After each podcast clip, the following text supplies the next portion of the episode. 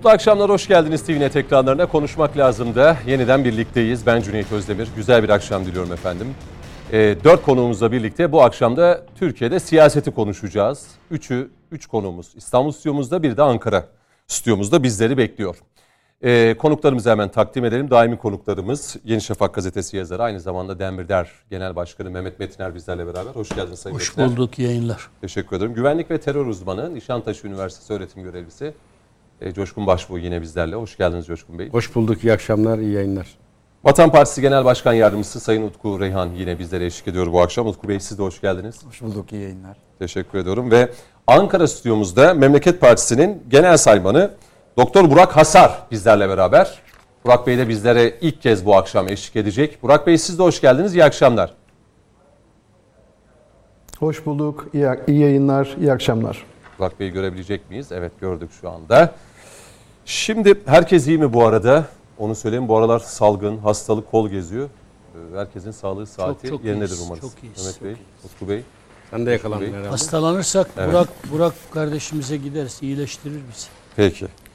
Ee, iyi olalım. Sağlık en büyük zenginliğimiz olsun. Şimdi ne konuşacağız bugün? Ee, bugün e, gün içerisinde Amerika Birleşik Devletleri'nde Senato'dan bir karar çıktı. Biliyorsun Türkiye F-16 satışıyla alakalı e, şartlar öne sürmüştü.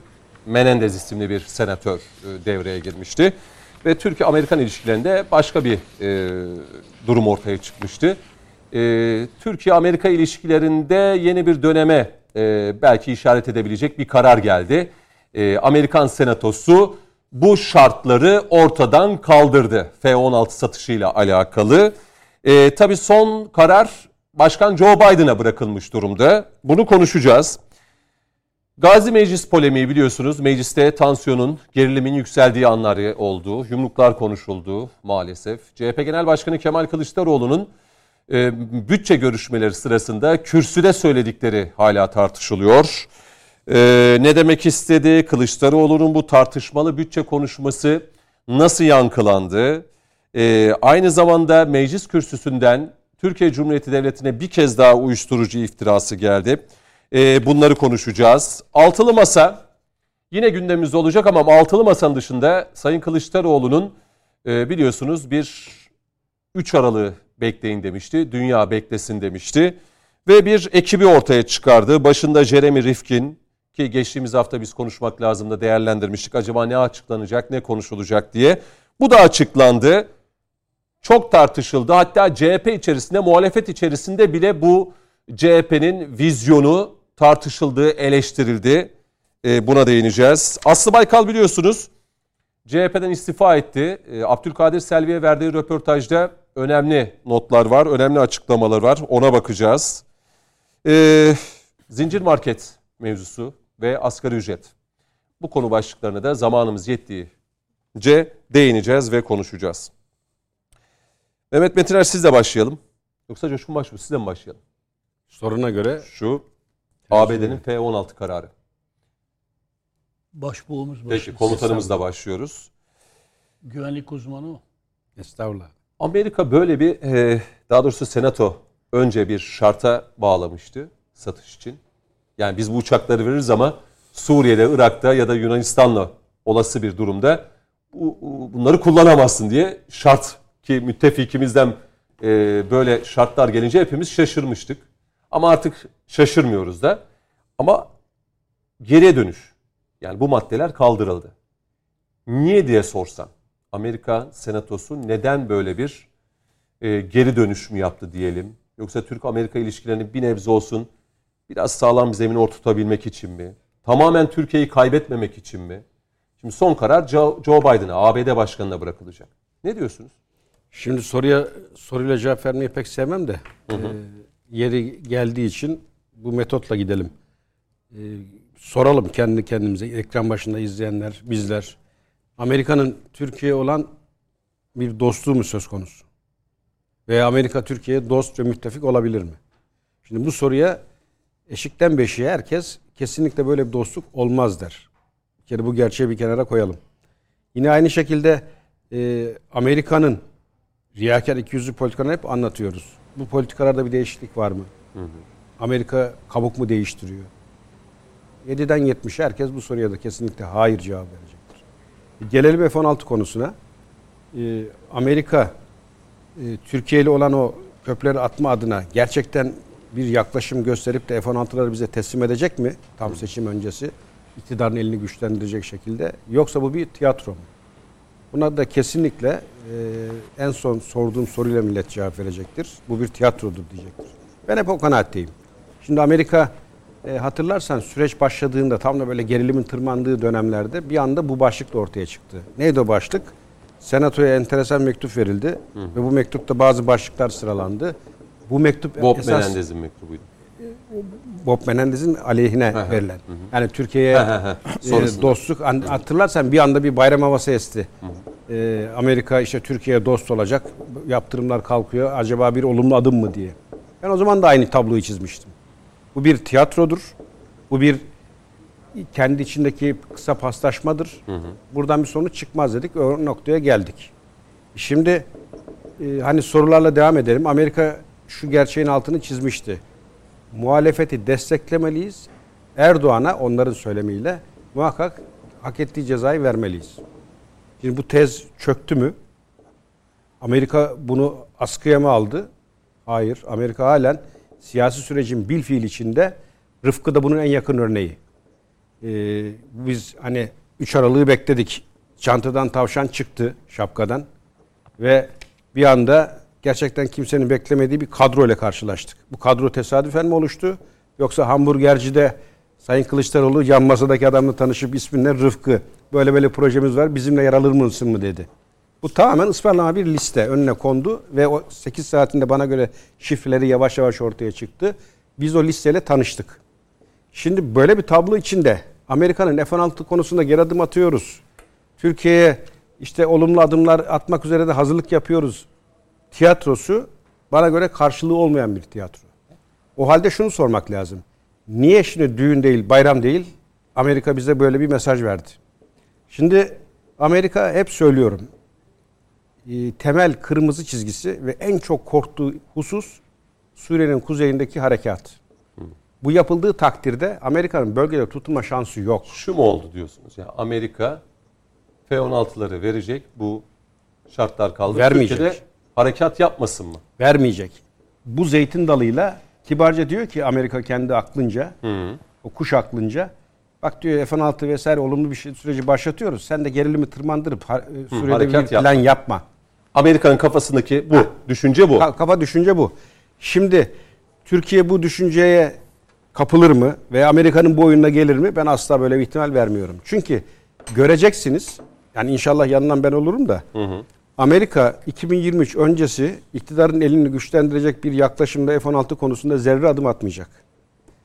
Başkana gitti, geliyor, muhalefet var derken biz bir anda kendimizi seçimde bulacağız. Neden? Çünkü Amerika'nın bütün hayali ve hedefi zamanı oynamak. Şu an bu yaklaşımla 2023'e yönelik harekatı durdurma ve zaman kazanan Amerika'nın tek hedefi. 2023'te olası bir seçim sandığında hareketlenmeyle birlikte Amerika'nın eğer kendi istediği iktidarı iş başına getirir, o kadrolarla beraber yol almaya başlarsa zaten her şey istediği bir gidecek. Onu biliyor. O ana kadar, o ana kadar derin yara alacağı veya iktidarın elini güçlendireceği her şeyin önünü kesmek üzere Amerika bir niyet ve maksat ortaya koyuyor. Bugün Suriye'nin kuzeyinde harekatı yapar isek e, bu olumlu havanın saniyeler içerisinde olumsuza döndüğünü göreceğiz. Çünkü Amerika bugün F-16 konusunda zaten bir Türkiye'ye karşı şu anki iktidara karşı hasmane tutumu var. Bir, seni askeri yönden güçlendirmek istemez böyle bir iktidarla. İki, böylesi bir kozu verip muhalefeti zayıf, iktidarı da güçlü duruma düşürmek istemez. Çünkü e, biz bu konuda çok netiz. E, yani Türkiye'yi kaybetme, kaybetmeme gibi konular hep tartışılıyor ki Amerika bana göre kendi topuğuna sıkıyor. Yani Türkiye'nin o kadar çok alternatifi, o kadar çok planı var ki. Sayın Erdoğan geçtiğimiz günlerde çok net bir cümle kurdu. O da olmazsa başka yerden alırız. dedi. O da olmazsa başka pazarlar var dedi. Yani Türkçesi şunu söyledi Sayın Erdoğan. Vazgeçilmez değilsiniz. Düşünmüyorsan, yapmıyorsan da yolun bahtın açık olsun. Şimdi böyle bir tabloda kaybeden Türkiye olmaz onu söyleyeyim. Kaybeden Amerika olur. Amerika bu gerçeği bildiği için İşte şimdi senatodaki bir takım bu hani geri adım diye nitelendireceğin e, açılımları yapıyor. Evet. Buradan göreceksin bu hamleyi yaptıktan sonra bizden şimdi cevabını bekleyecek. Derse iktidar harekat şu an için gerekli değil. Biz vazgeçtik. Dondurma kararı. Ha, bir anda o zeytin dallarının arttığını göreceğiz. Ama iktidar der ise kardeşim müttefik sende F-16 konusunda da o başka bir olay. Benim Suriye'deki kuzeyindeki yapacağım hareket bambaşka bir olay. İkisini birbirine karıştırma, beni de o tuzağa çekmeye çalışma. Dediği an, harekat başladığı an bir anda Amerika'dan savaş naraları duyacağız. Yunanistan'dan e, Zaten Yunanistan'da hükümet küplere binmiş durumda. Senatodan. Yani Miçotakis ben boşuna mı kongrede bu konuşmayı yaptım beni alkışladınız diye. Amerika bu. O zaman da dedik. E, Mitsotakis'in alkışını hep tartıştık ve ben dedim ki hatırlarsan. Ama Amerikan kongresinde konuşup alkışlanan liderlerin sonu pek de Heh. İyi Hatırla- bitmemiş. Hatırlarsan dedim, dedim ki Mehmet abi de tatlı bir gülümsemeyle tepki vermişti. Mitsotakis dedim bana ülke öyle sunsun. Ben dedim günlerce alkışlayayım ayakta. Gaudio'du değil mi Venezuela'da e, Evet, evet. desteklenen Gaudio. E, en son Venezuela'da sokakta bayağı bir dövüldü yani. Ya Sonu öyleydi. Amerika eğer sırtını sıvazlıyorsa bil ki yolun yanlış. Sonun kötü. Amerika ne kadar karşında dikilip ne kadar avaz avaz bağırıyorsa bil ki yolun o kadar doğru. Peki. Ankara'ya bir dönelim izninizle. iki değerli konuğumuzdan e, izin isteyerek Burak Asar'a döneyim. Ki ilk kez bizler beraber. Memleket Partisi'nin genel saymanı. Burak Bey bir kez daha hoş geldiniz diyorum. Ve Amerika'nın e, ve Amerikan Senatosu'nun almış olduğu bu karar. Yani Türkiye yönelik şartlar öne sürmüştü. Ama bugün itibariyle bu şartları kaldırma kararı aldı. Artık son söz ABD Başkanı Joe Biden'da. Coşkun Başbuğ'un dediği gibi yani Amerika seçime doğru giderken Türkiye'nin e, böyle bir kara harekatını yapmak yapmasını istemiyor. Dolayısıyla siz bu kara harekatını yapmayın. Biz de size F-16'ların satışı için onay verelim mi? Diyor. Kafasındaki düşünce size göre de bu mu acaba? Evet. Ben Coşkun Bey'e katılıyorum. Bu aslında olası bir kara harekatı ile ilgili bir adım, bir ön adım, e, bir diplomatik bir adım olduğunu düşünüyorum. Aslında bu emperyal güçlerin e, alışkın olduğumuz e, yaklaşımları aslında böyle bir ileri bir geri e, tiyatrosu tamam satış konusu e, olumlu bir gelişme. Ben e, bu konuda e, Dışişleri Bakanı'nın bugünkü açıklamalarını dinledim ve e, burada bir duruş kendisi de e, bunun olumlu bir tavır olduğunu ve devamının gelmesi gerektiğini söylüyor. Bizim de burada bir duruş göstermemiz gerektiğini düşünüyorum ve devletin e, bu e, tiyatroda masaya güçlü oturabilmesi için e, devletin elini zayıflatacak eylem ve söylemlerden uzak durmamız gerektiğini, e, yapılması gereken bir e, kara harekatı varsa bunun mutlak surette yapılmasını e, ve gelişmelerinde e, Amerika Amerika tarafından da gelişmelerin mutlak surette takip edilmesi gerektiğini düşünüyorum. Benim bu konuyla ilgili aktarabileceğim uzmanlık konum olmadığı için aktarabileceklerim bu kadar. Peki. Çünkü henüz çok taze bir bilgi. Tabii, Biden tabii. da daha Peki önce şu, şöyle bir e, şey buyurun. her, her halü, halükarda ya Amerika biz yine e, kara harekatını yaptık. Ya bu Türkiye Amerika ilişkilerinde zaten e, Trump dönemiyle birlikte başlayan aslında Obama'nın son döneminde başlayan ama Trump'la e, daha da derinleşen ve e, Biden'la birlikte iyice keskinleşen bir süreci yaşıyoruz. E, biz başlattık diyelim kara harekatını. E, ne olur? Türk-Amerikan ilişkileri. Başlatmadık Yani diyelim ki bu kara Türk-Amerikan harekatını. Ne olur? Başlatırsak ne olur? Başlatmaksak ne olur? Şimdi o işin detayını e, bilemem. Sonuçlarının ne olacağını da Siyasi anlamda, çok siyasi e, anlamda. kolay değil benim için. Ama ama şöyle söyleyeyim. Emperyal güçlerin e, eğer bir e, hiç beklemediğiniz anda size bir bardak su uzattıysa ya da bir çiçek e, uzattıysa e, Sayın Başbuğ'un da söylediği gibi mutlak surette bir beklentisi vardır. Ya da işte Suriye'nin kuzeyinde bizim yapacağımız herhangi bir harekat e, rahatsızlık verecektir, amaçlarına ters düşecektir. E, Bu nedenle e, bizim e, beklediğimiz bu F-16 satışı ile ilgili e, durumu pozitif hale çevirerek bir şekilde bir göz boyama içerisinde olacaktır. E, kara harekatı başladığı zaman e, tavır değişir mi? E, bana değişir gibi geliyor ama bu konuda önden bir e, yorum yapmam söz konusu değil. Takip izle, ya, e, olacak bitecek olanları takip edip e, ondan sonra yorumlamakta fayda var diye düşünüyorum. Peki. Ee, Burak Bey'e Cüneyt bir ekleme. Tabii. Güzel bir soru sordun. Eğer kara harekatı başlarsa Amerika ile tarihin hiç olmadığı kadar gerilimin zirve yaptığı bir süreç yaşar. süreç yaşayacağız. Amerika için artık olmak ya da olmamak meselesi Orta Doğu'da. Yani F-16 satışına onay diyelim Amerika verdi. Türkiye'de kara harekatını yapmadı diyelim. Sen de PYD'yi vesaire YPG'yi terör örgütünü artık silahlandırma veya da silahlarını topla. Biz diyebilir miyiz bunu? Hayır diyoruz zaten her zaman Diyoruz, söylüyoruz diyoruz da da işte. karşılığı yok. Şimdi Amerika laftan anlamadığı için aklı kötektir diye bir laf vardır ya Anadolu'da. Sahaya iniyoruz, harekat diyoruz, geliyoruz diyoruz. Amerika işte bunu bildiği ve senin karşına da hiçbir varlık gösteremeyeceği için bunu daha yerinde kesmenin yollarını arıyor. Peki. Bakın şu gerçek de önemli. Harekat yapılırsa hani Amerikan askeri karşınızda ne olur ne biter biz hep tavrımız net. Kim olursa olsun biz yola çıktık mı dönmeyiz Söyledik diyoruz. zaten yani üniformalarınızı dağıtmayın diye. Amerika'dan Amerika'dan herhangi bir askeri anlamda fiili tepki kimse beklemesin. Amerika tası tarağı toplamak zorunda kalacak. Hiçbir gücü yok. Amerika'nın bölgedeki gücü örgütün gücüyle orantılı. Yani yoldan toplama ortaokul lise talebeleri ve çapulcu sürüsü. Amerika'nın gücü bu. Afrin'de, Fırat Kalkanı, Zeytin Dalı'nda aynı hikayeyi yazdılar. Girersek bataklığa gireriz. 100 bin var o et Şunu anlıyorum. Biz bu kara harekatını yapacağız. yapacağız ve yaptığımız anda da çok kolaylıkla bir süreç ilerleyecek. Peki.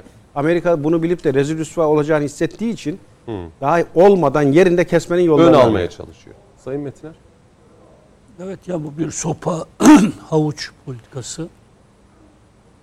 Burak Bey'in de belirttiği gibi emperyal güçler e, söylemi zaten çok önemli.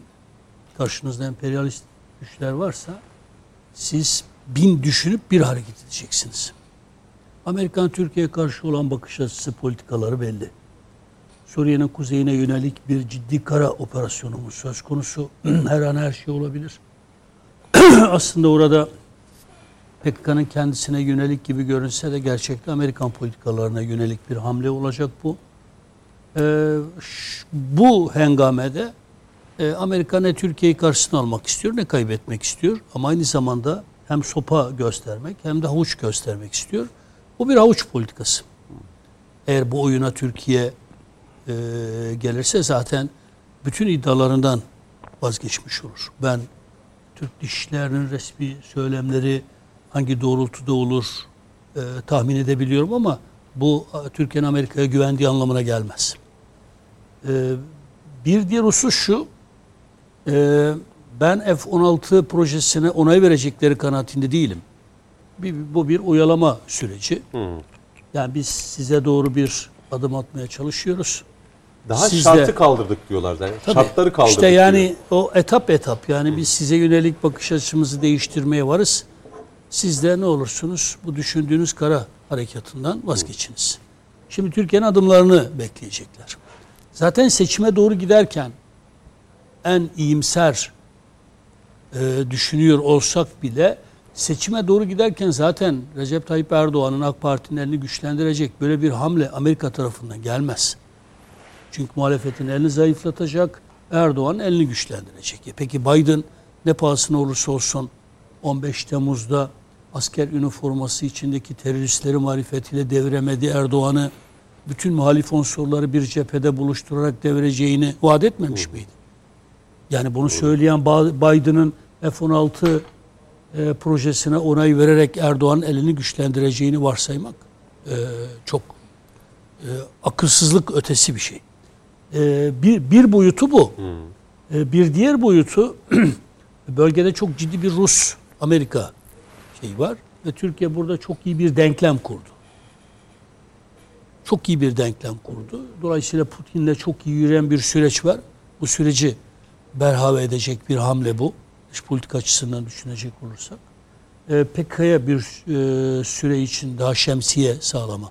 Suriye'nin kuzeyinde kendi silahlarıyla besleyip büyüttüğü bir terör devleti de yaratmaya çalıştığı güçlere bir şemsiye oluşturmaya çalışıyor. Yani siz kara operasyonunu yapmaktan vazgeçerseniz biz de bu e, F-16'lardan başlayarak aramızdaki sorun alanlarını ortadan kaldırmaya varız. Ama ben e, bunu hiçbir şekilde yapacakları kanaatinde değilim. Yani dış ilişkilerimiz, dış iliş, e, ilişkilerimiz elbette ki resmi düzeyde sürer. Teknik heyetler bunun olumluya dönüşmesi için gidiş gelişlerini artırabilirler. Ama Amerika ne yaparsa yapsın ben son kertede e, Erdoğan liderliğindeki Türkiye'nin Amerika'ya güveneceği kanaatinde değilim. Aslında Amerika Türkiye'den mesajları çok net anlamış değil mi? Yani hem Sayın Çok- Cumhurbaşkanı çok net hem anlamış. Savunma Bakanımızın Ve bence ve bence şu an e, bir operasyon için en uygun e, koşullarda yaşıyoruz. Eğer bu operasyon yapılmaz, geciktirilir ve ötelenirse e, ileride telafisi çok daha zor bir takım yeri sorunlarla karşı karşıya gelebiliriz. Amerika Türkiye şu kuzu vermek istemez. Yani işte e, Erdoğan'ın direngen liderliği Amerika'ya bile diş çöktürdü. Bakınız Amerika bile diş çökmek zorunda kaldı. Çünkü içeride siyaseten okuması böyle olacaktır. Yani F-16 projesine onay veriyor olması Şimdiden mesela o dediğiniz başlıkları atanlar var. ABD diz mi çöktü? Senato Tabii Türkiye ki. karşısında e, diz mi çöktü şeklinde değerlendirmeler var ama bu yanlış değil mi? Bu erken. Yani ben- bu yorumlar için erken. Çok çok erken e, Amerika diş çöktürür, diş çökmez. E, geri adım attığı görüntüsü vererek sana farklı düzeylerde diş çöktürmeye çalışır. Önce senin e, söylemine diş çöktürür. Böyle Amerikancı bir çizgiye getirmeye çalışır. Amerikan dostumuz, müttefikimiz falan feşmekan önce iddialarından seni e, şey yapar, çelişkiye düşürerek imha eder. Ondan sonra yapacağın hiçbir anti-Amerikancı propagandanın artık bir kıymet harbiyesi olmaz. Elindeki bu güçlü argümanlarını elir, seni siyaseten kof bir hale dönüştürür. Ondan sonra sen istediğin kadar artık Amerikan karşıtlığı yap. Ez cümle e, bu bahiste, bu bahiste söyleyeceğim şey şu, karşımızda Türkiye'nin e, birlik beraberliğini tehdit eden, devletimizin bekasını tehdit eden bir emperyal güçler var. Bu güçlerin başını da Amerika Birleşik Devletleri çekiyor. Ee, Erdoğan liderliğindeki AK Parti'mizin veyahut da hükümetimizin Amerika'ya bu saatten sonra güven duyacağı kanaatinde değilim. Ama resmi ilişkiler, resmi söylem bazen çok farklı bir biçimde gelişebilir. Ama ben Türkiye Cumhuriyeti hükümetimizin efendim F-16'lara onay vereceği konusunda iyimser bir e, tutum izleyip Suriye'nin kuzeyine dönük hamlelerinden vazgeçeceği kanaatinde değilim. Eğer zaten Amerika'nın sağlamaya çalıştığı şey bu. Bu tuzağa düşülmesi halinde de e, ben çok ciddi siyasal krizlerle karşı karşıya kalacağımız kanaatindeyim. Düşünüyorsunuz siz de. Biz bu karar Ama asla ihtimal vermiyorum. Yani Anladım. ben ben ben tanıdığım bildiğim Erdoğan e, devlet yöneten bir lider olarak çok bazen farklı e, düzlemlerde konuşma mecburiyetini hissedebilir. Bu ikiyüzlülük anlamına gelen bir şey değildir. Yani tabii ki biz Amerika'ya düşman olmak istemeyiz. Hiçbir ülkeye düşman olmak istemeyiz ama ülkemizin topraklarında gözü olan siyasi irademize diş çöktürmeye çalışan emperyalist güçlere karşı da direngen duruşumuzu sürdürürüz. Ee, o yüzden yani bazen devlet başkanı sıfatıyla seçilmiş başkan sıfatıyla e, Sayın Erdoğan'ın işte bir taziye dolayısıyla Amerika hükümetine teşekkür etmesi gibi yani bunlar resmi düzeyde yapılması gereken nezaket jestleridir. Bunun başka bir siyasi okuması zaten yanlış olur. Ama ben e, PKK'nın e, şeyin e, Pensilvanya'daki iblisin ve içeride Erdoğan'ı devirmeye çalışan e, güç odaklarının arkasındaki e, ABD'nin bu saatten sonra Türkiye hükümeti nezdinde güvenilir kabul edileceği kanaatinde değilim. Ama bekleyip görecektir. Peki. Ama atılması gereken adımları da atmak konusunda bence hükümetimiz, partimiz asla tereddüt göstermeyecektir diye varsayıyorum. Şimdi Amerika'ya olan güven zaten Utku Bey Barış Pınar Harekatı sonrasında Mike Pence ile Mike Pompeo gelmişti. Ee, bir anlaşma imzalandı. 128 saat. Üzerinden kaç 128 saat geçti? Kaç 128 gün geçti? Ee, Amerika verdiği hiçbir sözü yerine getirmedi. Bunu net bir şekilde görüyoruz. Aslında belki de Türkiye'nin e, Amerika ile olan güven e, duygusu belki de tamamıyla orada koptu gibi. Cüneyt, Ee, Amerika'nın verip tuttuğu bir tane söz söylesene bana. Mesela Mün- Münbiç'te e, Utku Başkan bağışlasın bir cümleyle hemen geçiyorum. Münbiç'te bir sözleşme imzaladık. Evet.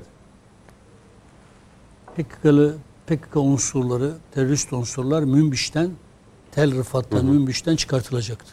128 saat. Ne Amerika çıktı ne de unsurları çıktı. Çıkmak zorunda kaldığında da orayı Türkiye'ye teslim etmediler. Esed ve Rusya güçlerine Rus. teslim ettiler. Doğru. Bu da ilginç bir Rus-Amerikan kapışması. Evet. Ya birbirlerinin has bir, amanı gibi görünüyorlar. Ama mevzilerini terk ederlerken de birbirlerine terk ediyorlar. Yani Türkiye söz konusu olduğunda aslında her iki Paralel gücün de nasıl bir e, dövüş içinde olduğu e, çok açık bir biçim. Tam da işte o Ama aklıma bu, geldiği için. Bu, bu bizim Rus karşıtı olduğumuz, Putin karşıtı olduğumuz anlamına gelmez. Ben Mehmet olarak kişisel fikrimi söylüyorum. Bana Amerika mı Rusya mı derse hiç tereddüt etmeden Rusya'nın dostluğu dururken, Rusya ile ilişkileri daha da derinleştirmek dururken Amerika hiçbir şekilde güvenmemiz gerektiğini söyleyen bir yerde duruyor. Peki. Tam da buradan sözü size vereyim. Yani hani güven yani karşılıklı iki ülkenin karşılıklı olarak birbirine güven duyması gerekiyor. Mesela Türk-Rus ilişkilerinde bunu görüyoruz.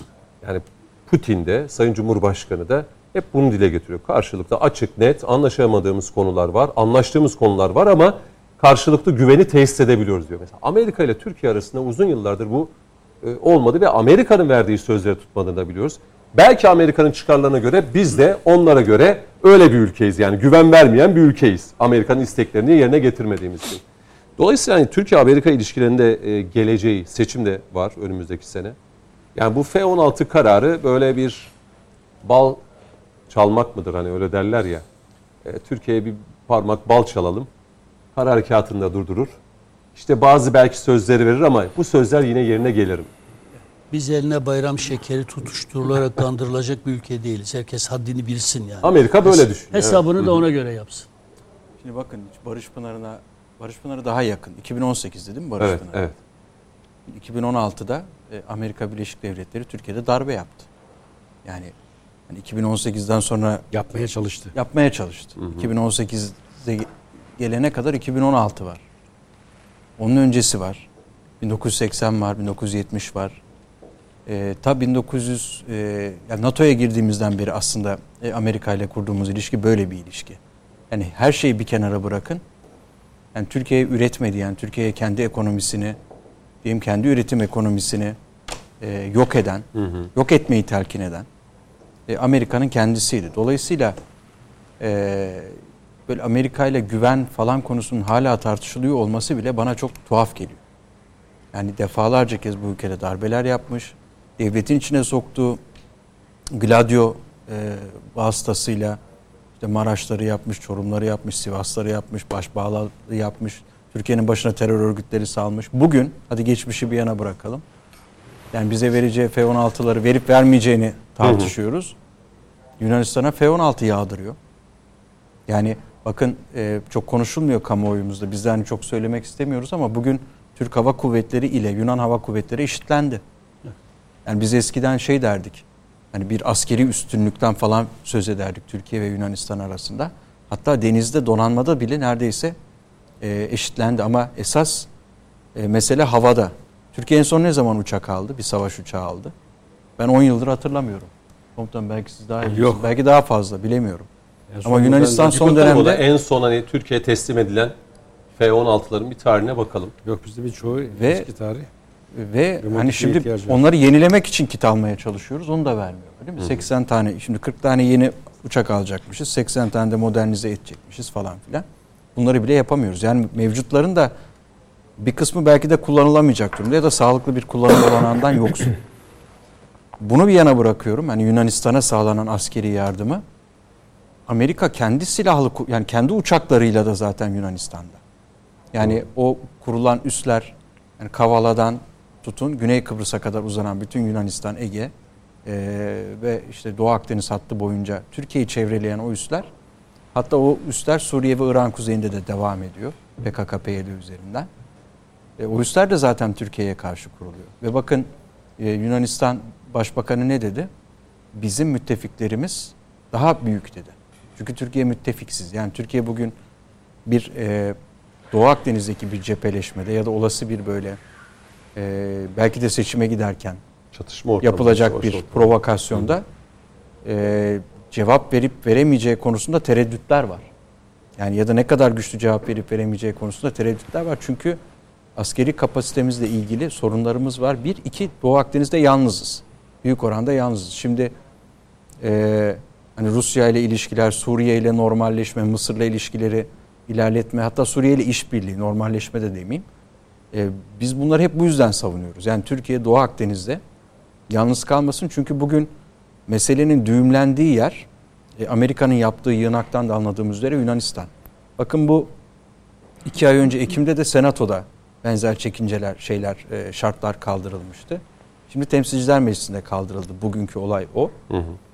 E, Fakat e, bu iki olay da şu anlama gelmiyor. Amerika Türkiye'ye F-16 sattı ya da satma kararı aldı. Hayır, daha bir sürü süreç var. İşte Sadece o birkaç maddeyi kaldırdı yani geri evet, çekti. Evet, yani iki şey vardı. Bir Yunanistan Hı hı. e, hava sahasını ihlal etmeyle de falan filan gibi. Bir de işte Suriye'nin Suriye. kuzeyindeki unsurlara karşı falan. Ama yani bu sattığı anlamına gelmiyor. Tabii.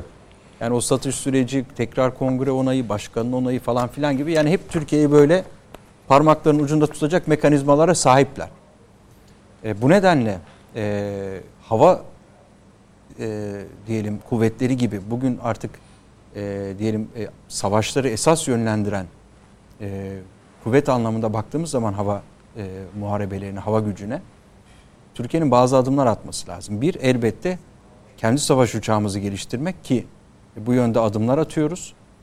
İki o zamana kadar yani diyelim kendi silahımızı geliştirene kadar alternatifleri almalıyız. Çünkü bu beklemenin sonu yok. Bakın yıllardır Türkiye bir tane savaş uçağı almadı. Filosu eskiyor, rekabet edemez duruma geliyor ve caydırıcılığını yitiriyor. Hı hı. Dolayısıyla hani Rusya üretiyor bunu, Çin üretiyor bunu. Hani belli üstelik e, bunlardan çok daha e, kolay bir biçimde almanız mümkün. Böyle çok büyük siyasi tavizler de vermeden. Hatta size seve seve de verirler. Tıpkı S-400 olayında olduğu gibi. E, ama bizim hava kuvvetlerimizi kesinlikle takviye etmemiz lazım. Burada eğer e, bakın şu F-35, F-16 süreci Hı hı. kafadan 7-8 yıldır sürüyor. Değil mi? F-35 vereceklerdi bize. Öyle başlamadı mı? F-35 vereceklerdi. Vermiyor dediler. Biz ne yaptık? Ben hakikaten utanç duyuyorum buradan. Bize F-35 vermediler. Suriye'ye harekat yaptığımız için. Biz dedik ki ya o zaman paramız yanmasın. Bari onun karşılığı kadar F-16 verin ya da biz üstüne biraz daha verelim bari bize F-16 verin. Onu bile vermiyorlar. Yani bu hakikaten bir e, hani şahsiyetli bir devlet açısından bence çok kabul edilebilir bir durum değil. O yüzden bundan vazgeçelim. Türkiye'nin ittifak potansiyeli vardır ve çok güçlüdür. Dünyanın artık e, dünya artık böyle Amerika'dan ve NATO kuvvetlerinden ibaret bir dünya değildir.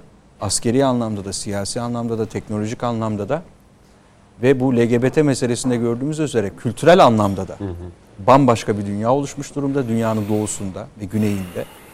Ee, Türkiye oralarda yerini almalı, oralarda öncü ülke olmalı ve bütün o ülkesinin savunma stratejisini de diyelim milli güvenlik stratejisini de bu müttefikleri de kurgulayarak yani yalnız kalmayacağı Doğu Akdeniz'de de bir e, müttefikler silsilesi yaratarak e, bu işe girmeli. Yani isterse Amerika bize 40 tane şey F-16 versin. Yani o aynı Amerika'nın kongresi e, ve onun onayladığı hazine PYD'ye para vermeye devam ediyor. Devam ediyor. Değil mi? 2022 bütçesinde PYD'ye para aktarmadılar mı? 2021'de aktardılar, Vallahi. 20'de 19'da hepsinde aktarıyorlar. Hala hatırlarla silah gidiyor mu? Git gidiyor. Yani ne demek Türkiye'nin düşmanına silah vermek? O açıdan e, Peki, bunla- bunların isteyeceğim. bunların bunların hiçbir anlamı yok. Hı hı. Bunlar Türkiye'yi zaman kaybettiren şeylerdir. Türkiye'nin güvenlikteki e, asıl tehdit Amerika'dan geliyor. Dolayısıyla onunla silah pazarlığı yanlıştır. Biz Amerika'ya karşı kendimizi koruyacağımız ve milli güvenliğimizi sağlam alacağımız ittifakları inşa etmeliyiz. Çin, Rusya, İran, Suriye, Mısır ekseniyle beraber. Peki. Tam o açıklamalar yapıldığında Cumhurbaşkanı da Arap bitti rahat olun diyor. Evet Kobani değil mi? Heh, yani bunlar anlamlı çıkışlar anlayana. Bekleyip göreceğiz. Yani sadece Amerika'nın senatonun almış olduğu bir karar var. O iki şart kaldırıldı. Gelişmeleri de takip edeceğiz ve göreceğiz. Bakalım Türkiye-Amerika Amerika ilişkileri nasıl bir e, boyut kazanacak, nasıl bir e, yol haritası çizilecek. Bunu göreceğiz. Şimdi gelelim iç siyasete biraz. E, mecliste bütçe görüşmeleri var ki e, Burak Bey'le ben bu bölümü açmak istiyorum izninizle. E, Burak Bey, e, Hem, meclis, hem Ankara'da, Ankara Evet, siyasetini tabii, yakından tabii ki. takip ediyor. e, meclisteki bütçe görüşmelerinde ki ya çocukluğumda ben çok izlerdim böyle rahmetli Demirel'in, rahmetli Özal'ın o bütçe görüşmelerinde hem nükteler havada uçuşurdu. Çok da güzel e, bütçe görüşmeleri olurdu. Hararetli olurdu. Sayın Cumhurbaşkanı'nın başbakanlığı döneminde de yine bütçe görüşmeleri gerçekten müthiş. Yani çok iyi bir hatip olduğu için Sayın Cumhurbaşkanı çıkardı.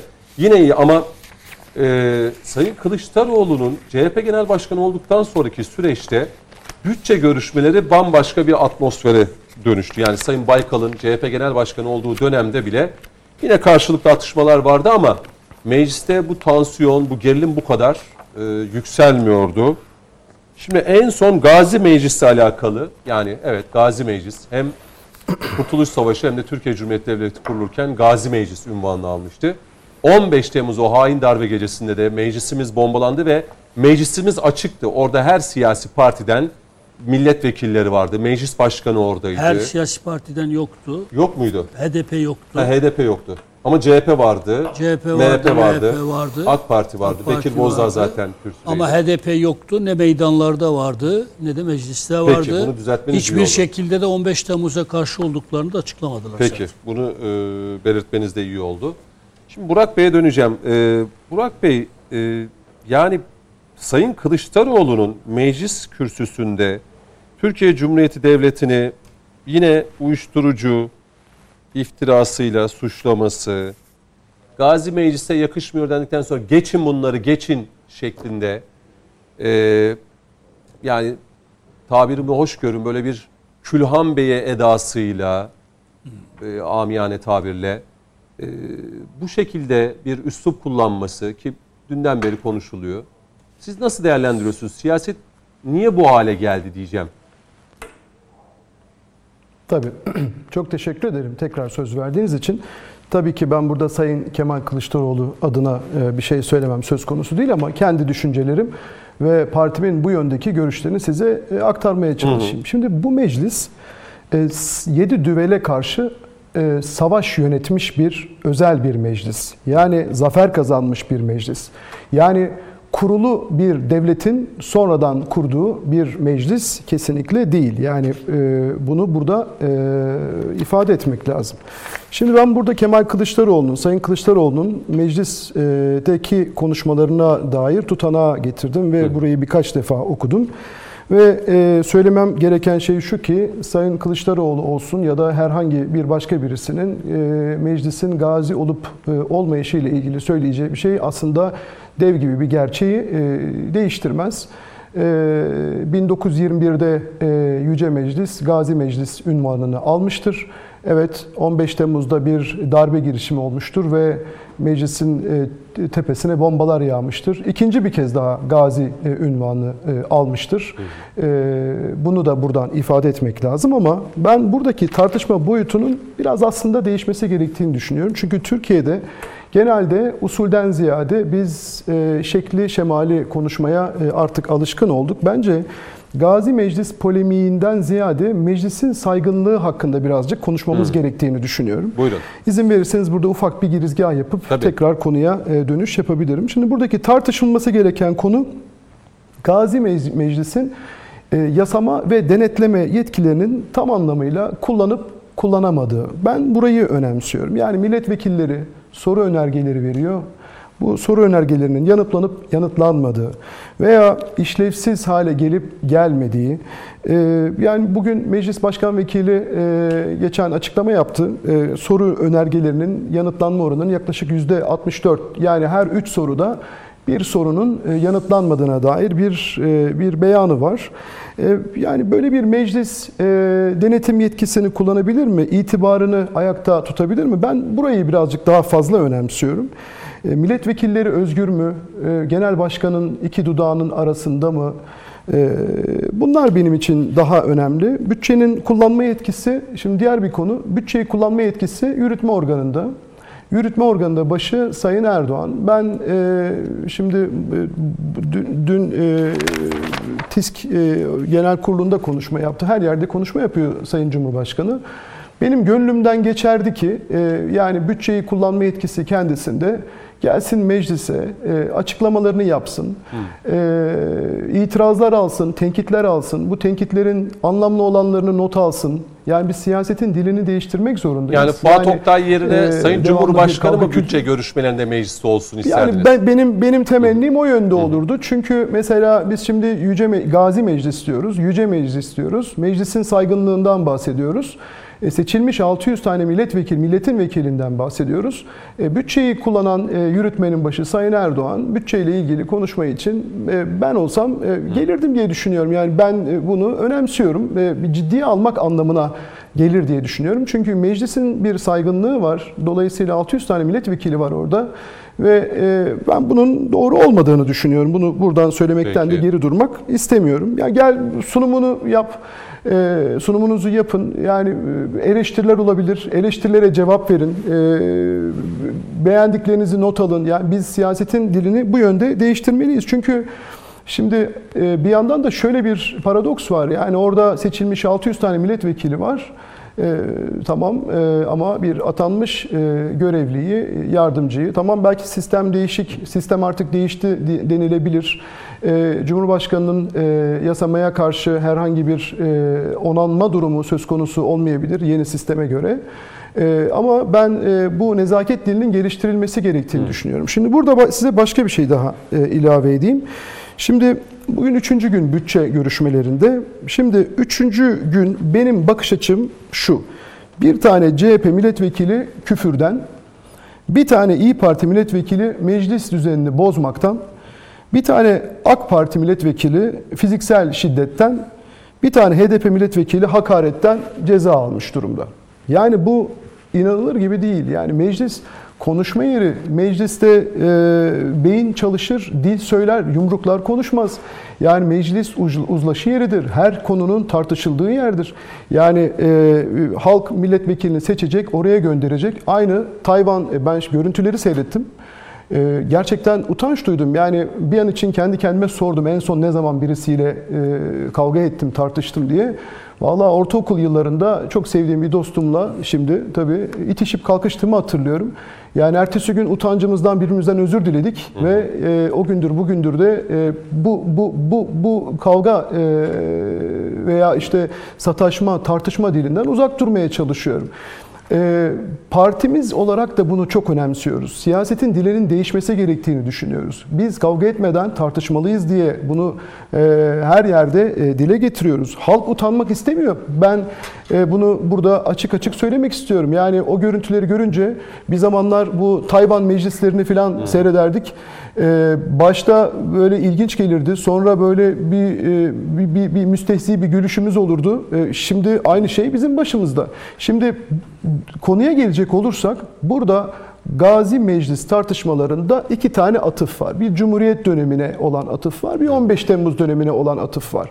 Bize göre bunun bir önemi yok. Gazi Meclis, Gazi Meclis'tir. Bu sıfatı almıştır. Belki Gazi Gaziliği tescillenmiş de olabilir. E, tescillenmiştir de 15 Temmuz'dan sonra. E, bu gözler çünkü olanları, bitenleri, her şeyi gördü, duydu. Olanları, bitenleri de biliyoruz. Ama e, burada Gazi Me- Meclis'in gaziliğini tartışmak ee, o kadar e, abesle iştigal ki benim için. Burada biz meclisin saygınlığını konuşmamız gerekiyor. Peki. Meclis görevini yerine getirebiliyor mu? Milletvekilleri özgür mü? Bence konunun ekseninin bu yöne e, evrilmesi gerektiğini düşünüyorum. E, teşekkür ederim. Sağ olun. Peki. Bu arada e, İyi Parti milletvekiline de geçmiş olsun diyelim. E, bütçe görüşmelerinde yaşanan olaydan Evet, dolayı. çok özür dilerim. Aklımda evet e, a, a, acil Trabzon şifalar diliyoruz. Hastanede kendisi. Evet, İyi Parti Evet. Trabzon Milletvekili Hüseyin Bey e, geçmiş olsun diyelim. Evet. Sayın Metiner, e, şimdi Gazi Meclis'in elbette gaziliğini tartışmıyoruz burada ama Sayın Kılıçdaroğlu'nun aklından geçen mi, aklından geçenin dile vurumu mu? Yani orayı biraz anlamaya e, çalışmak istiyorum. Yani kendi adıma ya da izleyicilerimizin adına da. Yani şimdi Gazi Meclis vurgusu yapılırken Sayın Kılıçdaroğlu geçin bunları, geçin bunları. Niye der? yani CHP ülkenin kurucusu olduğu belirtilen e, Cumhuriyet Halk Partisi'nin genel başkanı niye bunu söyler? Yani Bu neyin dışa vurumudur size Şunun göre? için söyler. Siz Pensilvanya'nın siyasi sözcülüğüne soyunmuşsanız 15 Temmuz gündeme geldiğinde Gazi Meclis vurgusu yapıldığında bundan ciddi bir biçimde rahatsızlık duyarsınız. Çünkü zaten siz 15 Temmuz darbe girişimine tiyatro demişsiniz, tertip demişsiniz ya. Bunu söylerken şunu söylemeye çalışmıyorum. Yani CHP Pensilvanya'nın partisidir demeye çalışmıyorum. Ama Sayın Baykal'ın kimlerin kaset operasyonuyla genel başkanlık koltuğundan edildiğini ve Kemal Bey'in de hangi operasyondan sonra o koltuğa oturtulduğunu herkes biliyor. Ve örgütün içerisinden o kaset operasyonu gerçekleştiren örgütün içinden birisi, en üst düzeyden birisi çıkıp zaten bu kaset operasyonun örgüt içi bir operasyon olduğunu da söylüyor. Bunu bir yana koyalım. İki, Pensilvanya'nın bütün argümantasyonlarını siz siyasete dönüştürmüşseniz 15 Temmuz dolayımında ortaya konan Gazi Meclis retoriğine karşı çıkarsınız. Bu sizin durduğunuz yeri gösterir. Eğer siz Türkiye'yi ithal ekonomi bir komiserlik zihniyetiyle e, yönetmek istiyorsanız bu sizin durduğunuz yeri gösterir. Bu aslında Sivas Kongresi'nde de çok yoğun bir biçimde tartışılan mandacılığın e, günümüz dünyasında ekonomi üzerinde nasıl tekrar hortlatıldığının ifadesidir. Yani o dönemde de e, Atatürk ve yakın arkadaşlarının arasında mandacılık tartışması vardı. İsmet Paşa'nın mandacılığı ne kadar çok savunduğunu herkes bilir yani. E, ve CHP'nin İsmet İnönü döneminde nasıl Amerikancı bir çizgiye savrulduğunu da iç savaşa girmediği halde Amerika'nın nasıl bir vesayet rejimini e, kimin üzerinden kurduğunu da herkes bilir. Şimdi burada Kemal Bey'in söylediği kendi içinde tutarsız bir şey değil. Sadece Gajlı Meclis demiyorum aslında meclisteki e, Burak Bey de söyledi. Yani konuşmasının tamamında yine e, devleti suçlayan ifadeler İşte devam diyorum. ediyor. Bakınız, Orada devam ediyor. Hiç- Aynı suçlamalar bakınız. Kemal Bey hiçbir zaman kendine ait argümanlar üzerinden siyaset yapmadı. Genel başkan seçildikten sonra bütün söylediklerine bakınız. FETÖ tapeleri ve FETÖ o tapelerde ileri sürülen iddialar üzerinden siyaset yaptığını görürsünüz. Tapeleri almıştır koltuğun altında. Meclis kürsüsünde, meclis çatısı altında bütün o e, iddiaları gündeme taşımıştır. Uyuşturucu, teröre yardım ve yataklık özellikle Çok de özür diliyorum. Deniz Baykal'ın genel başkan olduğu dönemde Sayın Metiner siz milletvekili miydiniz? tabii ki Ee, o zaman şöyle sorayım. Deniz Baykal'ın meclis... Ha yok şey e, e, Deniz Baykal e, alaşağı edilmişti. Biz 2011'de geldik. Öyle mi? O zaman şöyle sorayım hatırlıyorsanız ki hep ta- takip ettiğiniz için. Deniz Baykal'ın bütçe görüşmelerinde hiç kürsüye gelip de bütçe görüşme devleti böyle alenen suçladığı konuşmasına denk geldiniz Hayır. mi? Ama ben yani Burak Aras'ın tabii ki dilini çok önemsiyorum. Yani e, siyasetin dilinin, partinin dilinin değişmesi gerektiğine yaptığı vurguları çok önemsiyorum. Yani böyle genç siyasetçilerin bizde bize göre nispeten genç siyasetçilerin böyle düşünüyor olmasını e, çok takdirle karşılıyorum. Onun için polemik yapmak için söylemiyorum ama e, inşallah kendi genel başkanı da bundan ders çıkartır. Çünkü biz aynı dönemde mecliste beraber bulunduk. CHP Grup Başkan Vekili sıfatıyla yapmış olduğu konuşmalardan şöyle enstantaneler sa- sorsanız şu an Burak Aras Bey'in söylediklerinin tamamen tam tersi bir üslupla. Meclisin dili çok farklı bakınız. Meclise girmeyen insan bilmez. Durup dururken dışarıdan baktığınızda niye kavga ediliyor? O kavga nasıl ortaya çıkıyor? Biz de pek çok kavganın içinde yer almak zorunda kaldık. Sonradan üzüldük. Keşke bunların bir tarafı olmasaydık. Dışarıdan baktığınızda gerçekten koca koca adamlarsınız ama birbirinizle kavga ediyorsunuz.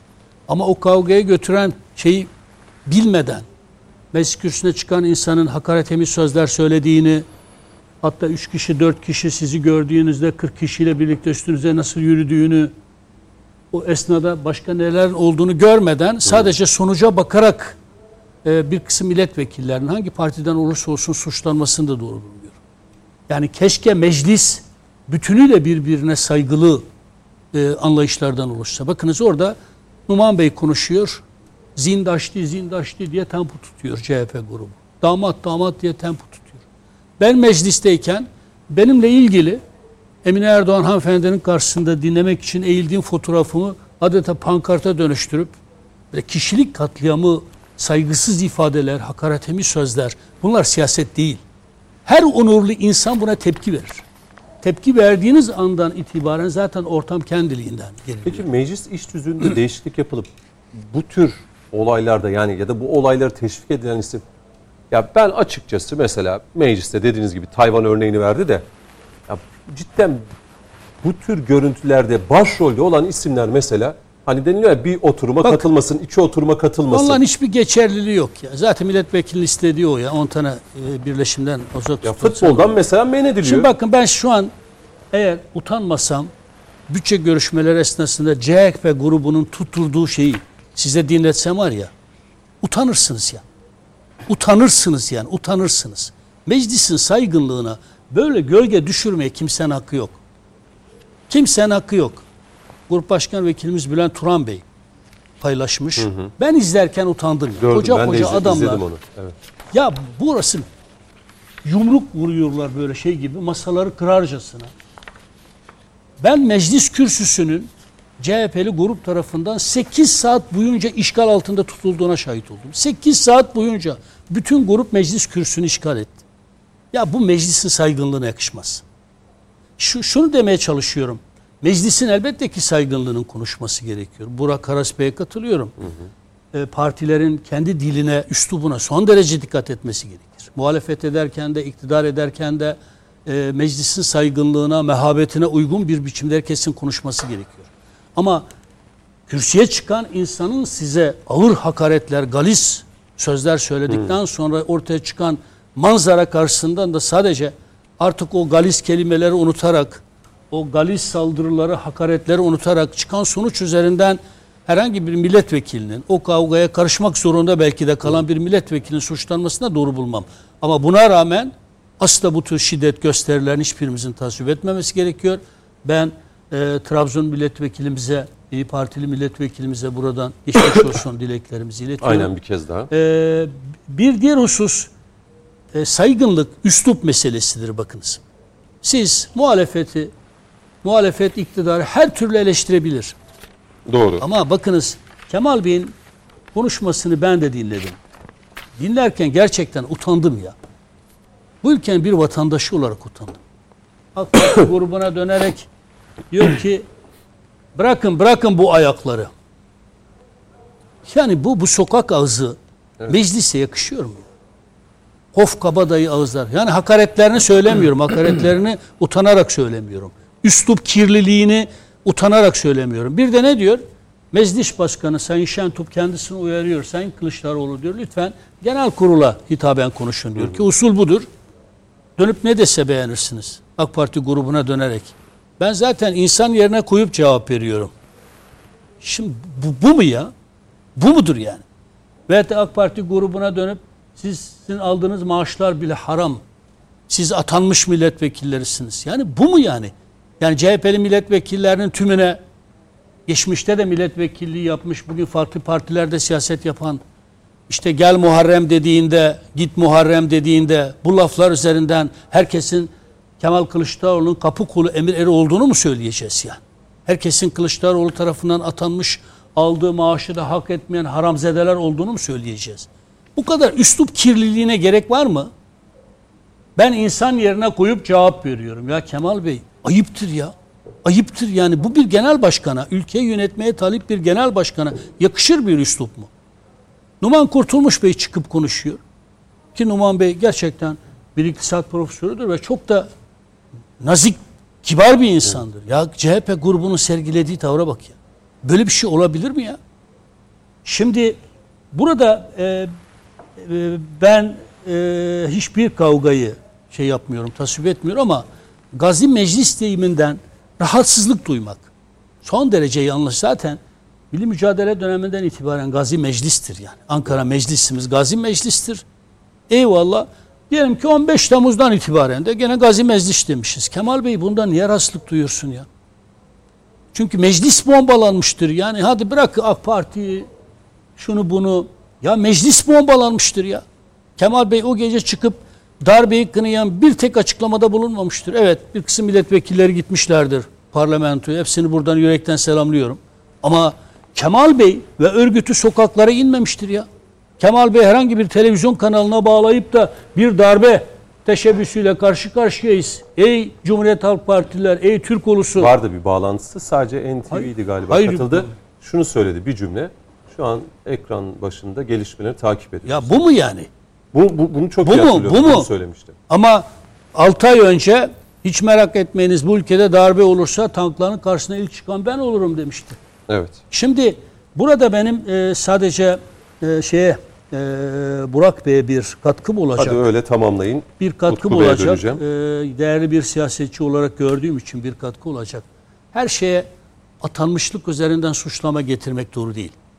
Yeni bir anayasa yapıldı. Yeni bir cumhurbaşkanı hükümet sistemine geçildi. O sistemin yeni anayasanın ruhuna uygun tabirlerle tanımlama getirmek lazım. O zaman bütün bakanlara da atanmış bakanlar diyeceksiniz. Gelip meclise e, hesap vermelerine bile gerek yok. E, bu sistem farklı bir sistem bakınız. Doğrudan halk tarafından seçilen bir cumhurbaşkanı var. Cumhurbaşkanının kurmuş olmuş olduğu bir kabine var. Dolayısıyla atanmış bakan, atanmış cumhurbaşkanı yardımcısı böyle seçilmişlik atanmışlığı doğrudan seçilmiş başkanın ekibi üzerinden bir suçlamaya dönüştürmek yeni anayasanın, yeni sistemin ruhunu anlamamak anlamına gelir ki bence bundan kaçınmak lazım. Bunu hadi Kemal Bey'in partisindekiler yapsa anlarım da ama bu yeni siyaset yapan, siyasetin dilinin de yeni olmasını, nezih olmasını, uzlaşı üzerine kurgulanması gerektiğini savunan arkadaşlarımızın yapmasına üzülürüm. Çünkü o zaman Cumhurbaşkanı Yardımcısı atanmış. E, bütün bakanlar da atanmış. Bakan yardımcılar da atanmış. E, e, Genelkurmay Başkanı da at. Ya yani böylesine kaba dışarıdan e, bakıldığında doğru gibi görünen ama yeni sistemin ruhuna aykırı bir takım tanımlar üzerinden suçlama getirmek doğru değil. Cumhurbaşkanının yardımcısının ben de halk tarafından seçilmesi gerektiğine inanıyorum. Bunun getireceği başka siyasi sakınca, sakıncalar da olabilir. Çünkü ben de seçildim, sen de seçildin denklemi içerisinde başka Türkiye örnekliğinde krizler de olabilir. Ama buna rağmen ben şahsen Cumhurbaşkanı yardımcısının da tıpkı Cumhurbaşkanı gibi seçime giderken seçilmesi gerektiğine inananlardanım. Ama böyle olmadığı için bakanlarımıza veyahut da Cumhurbaşkanı yardımcımıza eski sistemde olduğu gibi atanmışlar yaftasını asıp başka türlü suçlamalar getirmeyi de bize önerilen yeni siyasetin diliyle pek bağdaşır bulmuyorum. Peki.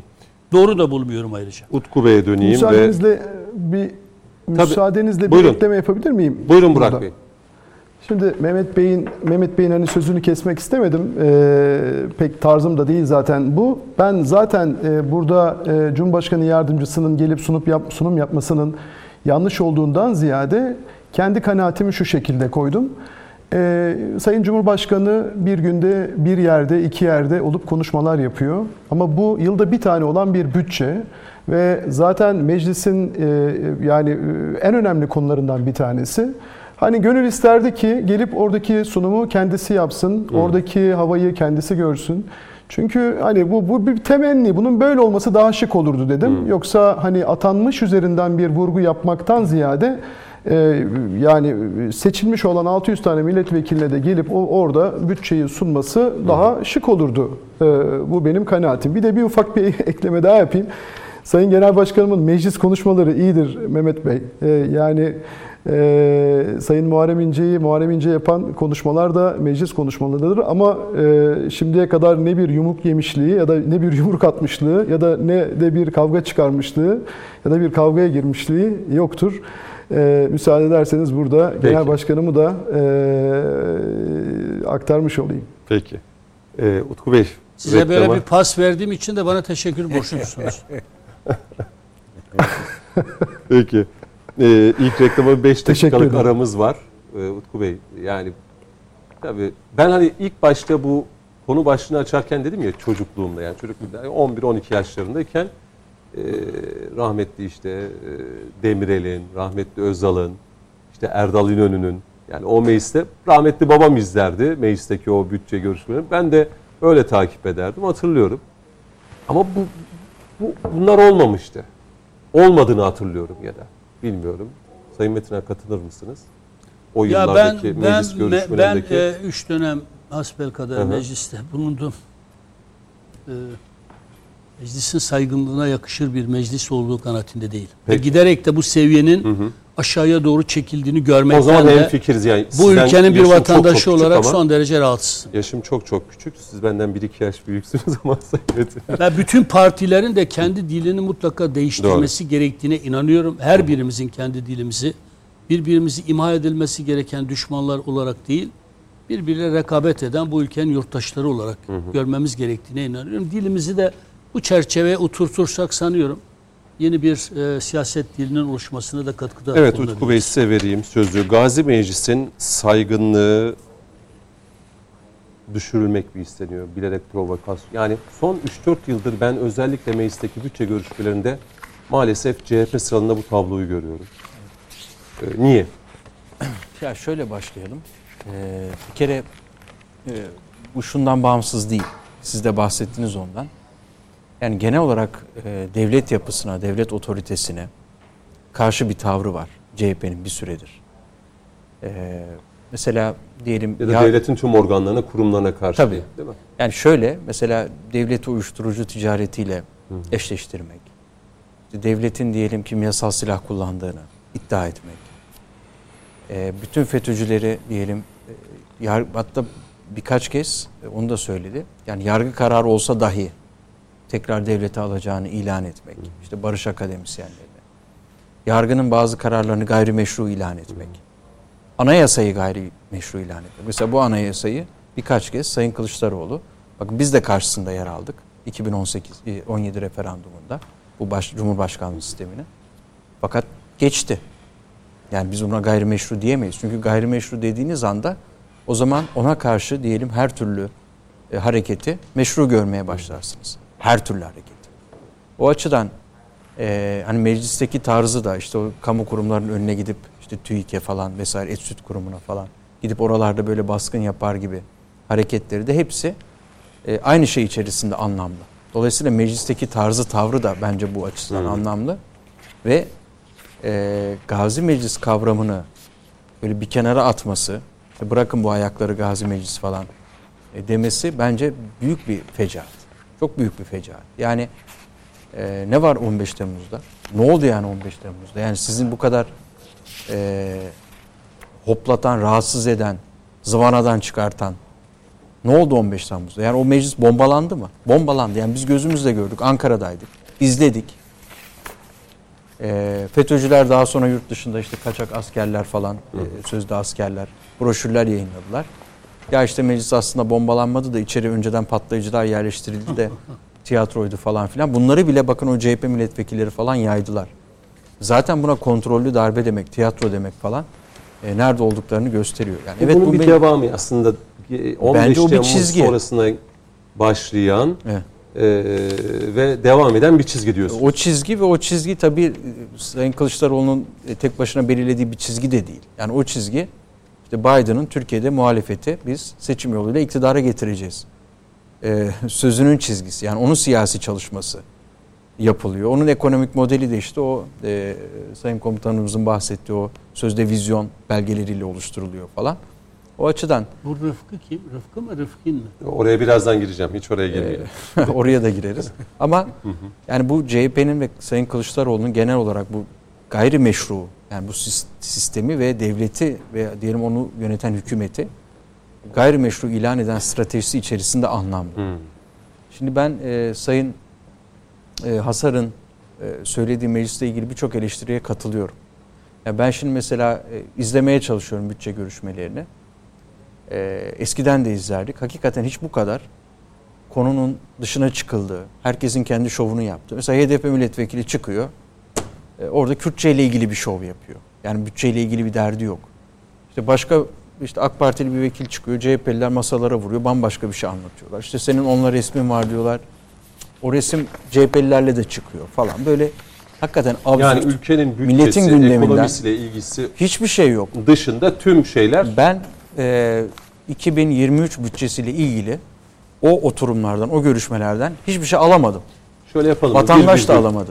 Alamadık. Devam edelim. Son 4-5 yıldır dediğim gibi ben de aynı şeyi düşünüyorum. Bu bütçe görüşmeleri, bütçe görüşmenin dışında bambaşka şeyler yaşanıyor. Niyesini reklama gidelim. Tamam. Dönüşte Utku Bey tekrar size soracağım. Sonra Coşkun Komutanımın da belki meclisteki bu, yaşananlara dair söyleyecekleri elbette olacaktır. İlk araya gidelim. Dönüşte buradayız. Efendim devam ediyoruz. Konuşmak lazımın ikinci bölümüne başlıyoruz. Mehmet Metiner, Coşkun Başbuğ, Utku Reyhan ve Doktor Burak Asar bizlerle beraber bu akşam. Reklam dönüşü e, Utku Bey'le devam edecektik. Gazi Meclis'teki yaşananları e, konuşuyorduk. Nerede kalmıştık? Sözü oradan Şunu söylüyorduk. Yani bu bütçe görüşmeleri bütçe görüşmeleri olarak devam etmiyor. Yani Türkiye'nin diyelim ekonomik sorunları var. Çok ciddi ekonomik sorunları var. Partilerin e, buna ilişkin diyelim çözümleri, programları olması beklenir. Onların dile getirilmesi beklenir. Diyelim devlet e, bu merkezi bütçe görüşülüyor. Bu devlet e, tim bütçesiyle ilgili partilerin görüşleri olması beklenir falan. Bunları görmüyoruz. Orada herkesin e, siyasi şov yaptığını görüyoruz ve e, hakikaten e, şimdi e, bazı tutanaklara baktım ben de. E, galis küfürler var. Yani bilmem ne çocuğu diyor biri birine, öbürü öbürüne başka şekilde karşılık veriyor. Biri e, vekilin parmağına gözünü sokuyor, o ona yumruk atıyor falan. E, yani hakikaten Türkiye Büyük Millet Meclisi'nin diyelim tarihine ondan sonra bir e, milli mücadeleye önderlik etmiş. 15 Temmuz'da düşman tarafından bombalanmış falan bir meclisin ağırlığına yakışmayan bir görüntü var. Bu tabii e, yalnızca milletvekillerine atılacak bir suç değil. Yani tepeden başlayan bir şey var. Bakın 91 seçimleri öncesinde liderler açık oturumu var. Orada e, bizim genel başkanımız da var. İşte Sayın İnönü var, Erdal İnönü. Ondan sonra Sayın Süleyman Demirel var. E, Bülent Ecevit var, Türkeş var. Yani bütün liderler e, bir, Bir masa masada. etrafında toplanmışlar. Çok sert ve çok böyle Ama seviyeyi koruyan. şey konuları tartışıyorlar ama tartışıyorlar. Mesut Yılmaz var falan. E, tartışıyorlar ve e, birbirlerine saygıyı hiçbir zaman elden bırakmıyorlar. Şimdi bugün liderler seviyesinde baktığımız zaman e, hakikaten siyasette nezaketin ve diyelim yapıcılığın neredeyse ortadan kalktığını, e, ağzını açanın birbirini e, aşağılamak üzere e, bir dil tutturduğunu falan görüyoruz. Bu doğal olarak meclise kadar iniyor, milletvekillerine kadar iniyor. Zaten milletvekillerinin e, yani ma- ma- mazur görsünler ama büyük çoğunluğu da böyle hani kendi e, kişilikleriyle, karakterleriyle değil de diyelim e, hani oraya ya da kendi liyakatlarıyla değil de hakikaten liderlerinin e, bağlılıklarıyla falan e, orada bulunan insanlar. E, birçoğunun bence vekillik ni- niteliği ya da yeteneğiyle ilgili de soru işareti var. Yani o hareketleri yapan insanların vekilliğiyle ilgili de bence şüphe duyulması lazım. E, bunun bir diğer nedeni de şu. E, bence Cumhurbaşkanlığı sistemi. Çünkü e, tamam şu andaki sistemimiz bu ama e, bunun yarattığı bazı böyle sıkıntılar var. Nedir? Meclis işlevsiz. Yani meclis bugün Mesela Burak Bey'in dediği gibi Cumhurbaşkanı gelip e, orada bir sunum yapsaydı. öyle yapılması lazım. Yani so- sonuçta e, merkezi yönetim bütçesi, meclis bir kanun çıkaracak o bütçeyle ilgili ve bütçeyi kullanma yetkisi de şeyde Sayın Cumhurbaşkanı. yürütme gücünde. Yürütme de ne? Bakanlar Kurulu ya da kabine de değil. Cumhurbaşkanlığı. Ee, mesela e, kabine dedi Sayın Metiner ama anayasada kabine diye bir kurum da yok.